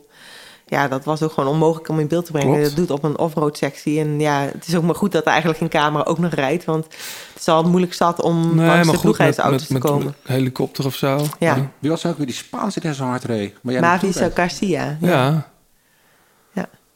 Ja. Ook, ook weer heel tof, hè? Dus dat ook weer, Ja. jij bent Cipollini ook weer een goede, goede renster voor dat soort eh, wedstrijden. Dat, is, eh, dat maakt het vrouwen interessant. En, en we moeten fans creëren. En ehm, ja, dat doe je, daardoor juich ik ook vaak eigenlijk wel toe als ik een sterke concurrentie krijg. Zeker, maar dat bedoelde ik ook met die tweestrijd. Ja. Weet je wel? Dat, dat, dat maakt, en dat hoeft niet per se een tweestrijd altijd met twee te zijn. Nee. Maar als er maar in een wedstrijd. Strijd, ja. Uiteindelijk, weet je, dat is met, met de mannen eigenlijk nu, nu hetzelfde. Als Mathieu en Wout aan de start staan, dan, is- ja, dan is de, de attentiewaarde ineens een, een stuk hoger. Dat is gewoon zo. Maar wat, wat net al even over Demi, eh, Demi Vollering. Eh, zie jij eh, de- bij die jonge dames, eh, meiden al een nieuwe Anna en, of Annemiek? Ik denk dat Demi wel echt onwijs talent is, ja. Want het is ook nog wel een beetje een, een ruwe diamant, denk ik. En ze laat nu al zoveel zien. Ehm, en als ze, ja, want dan kom ik weer terug met plezier, als zij dat plezier erin weet te houden. En dat denk ik wel bij haar. Ik zie daar niet een, een overfocuste al renster die alles al zeg maar tot in de puntjes helemaal eh, onder controle of, of eh, ja, Nee, we zeggen dat goed skiën en eh, Ja, dat bedoel en ik. hiken en dat soort dingen. En, Dat vind ik een mooi. Dat ook daar weer een mooi rolmodel in. Hè. Je, het leven is ook leuk. En eh, ook als je fiets kan het leven ook nog leuk zijn. Ja. En eh, ik zie er veel ontspanning in. Dus daarom vind ik het... Ja, ik, ik denk het onwijs talent is, ja. Maar we hebben meer mensen. Dus, eh, nou, maar internationaal ook? Ja. Ehm, ja, dat hoop ik wel. Dat, dat is ook wel eh, een, een aandachtspunt, denk ik, voor, ehm, voor, eh, voor het vrouwenwielrennen. Dat we het niet alleen in Nederland moeten zoeken. Dat Ja. is, het moet internationaal blijven om het ehm, interessant te blijven. Al moet ik wel zeggen, bij de cross heb ik er zo van genoten.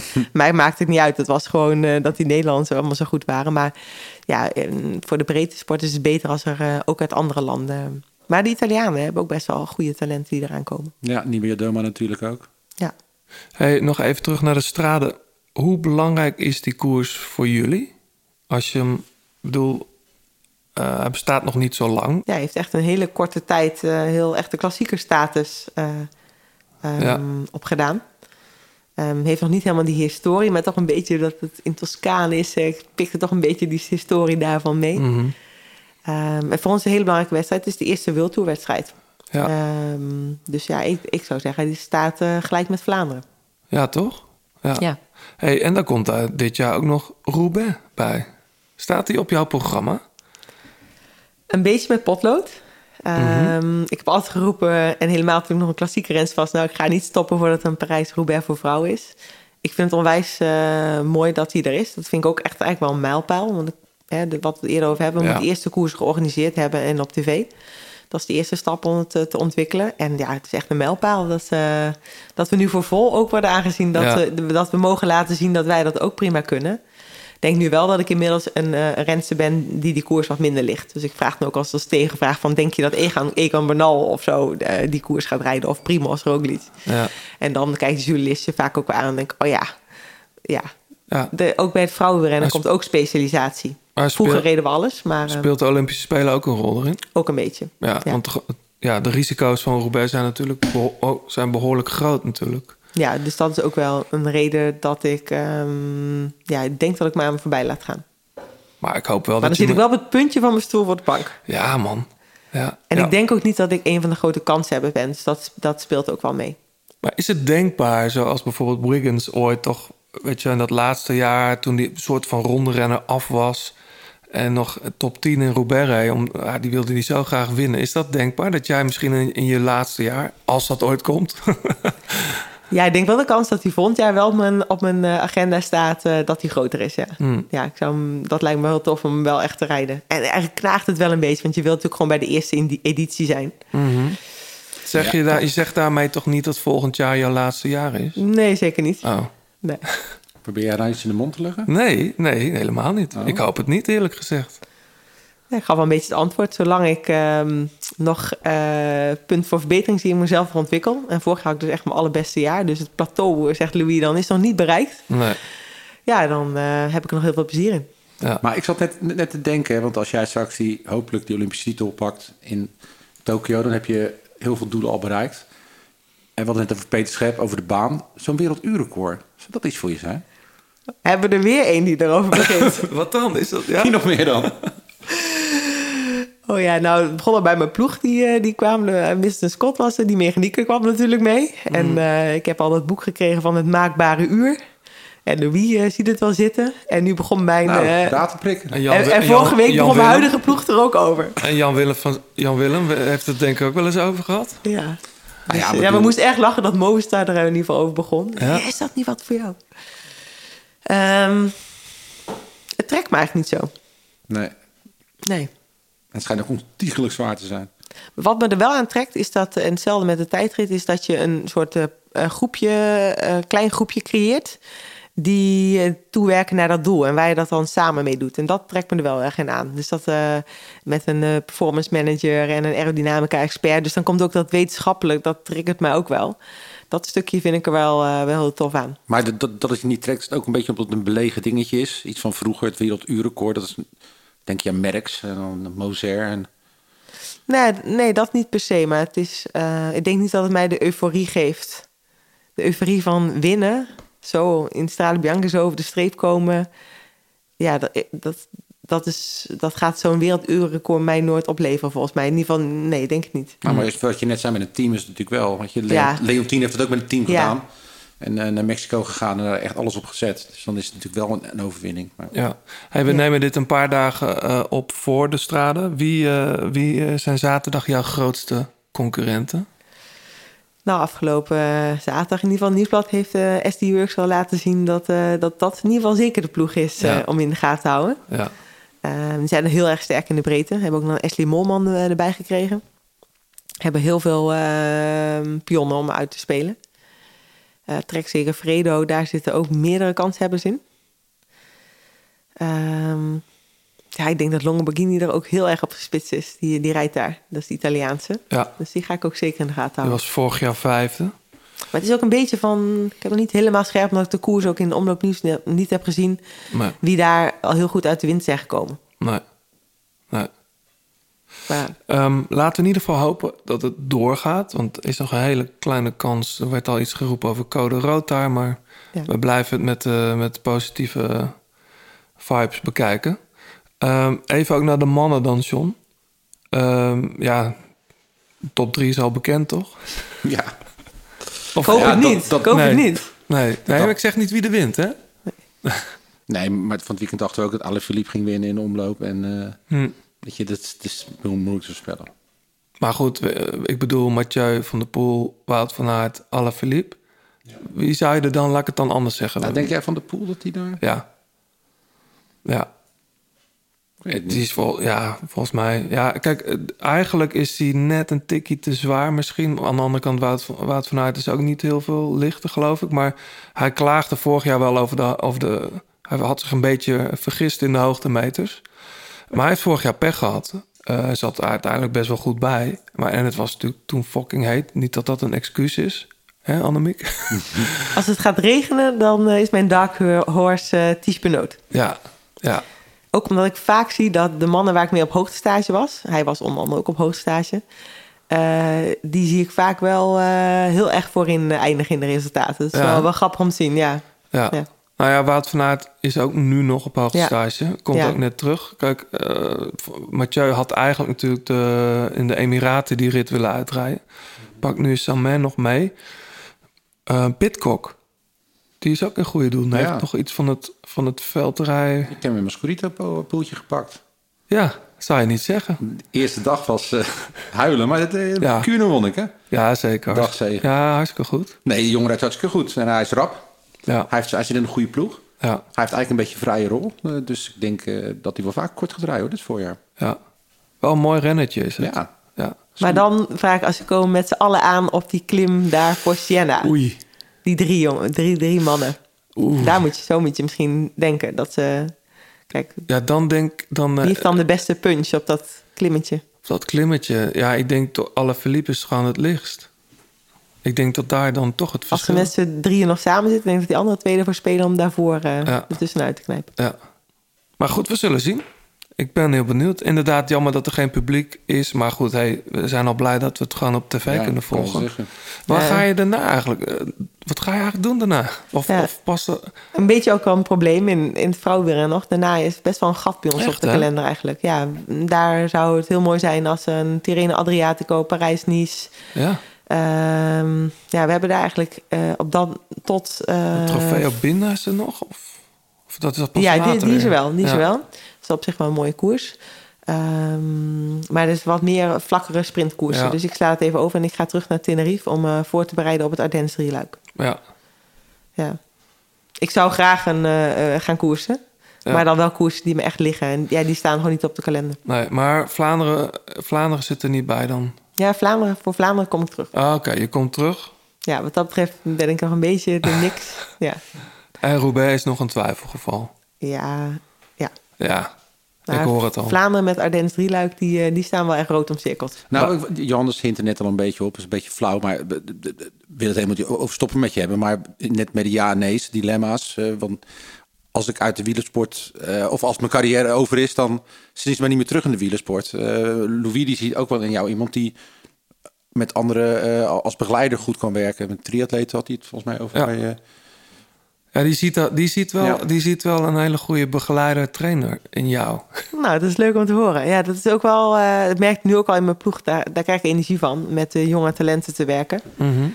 Ehm, en ook inderdaad, ik fiets wel eens met zijn ehm, eh, atleten, de jonge meiden. Ja, dat, dat is gewoon zoveel kan je daar nog aan overdragen. En ook gewoon, ja, ook ten eerste plaats al plezier eh, wat je hebt overdragen. En hoe je de sport beleeft en dat aan ze meegeven. En ehm, ja, daar krijg ik wel heel veel energie van. Dus ik, ik hoop wel erg, uh, hoeft niet per se in de wielersport te zijn. Het kan ook buiten de wielersport. Dus kan het ook met triatleten of algemeen te- atleten. Ik hoor ook Ja. wel eens de coachingsgesprekken met jonge atleten op Papendal. Want ik woon hier vlakbij Papendal. Mhm. Daar geniet ik ook, daar luister ik ook wel eens mee mee. Dat vind ik ook wel genieten. En dan proberen ze een beetje ehm, ja, studie te combineren met eh, en het ontwikkelen als topsporter.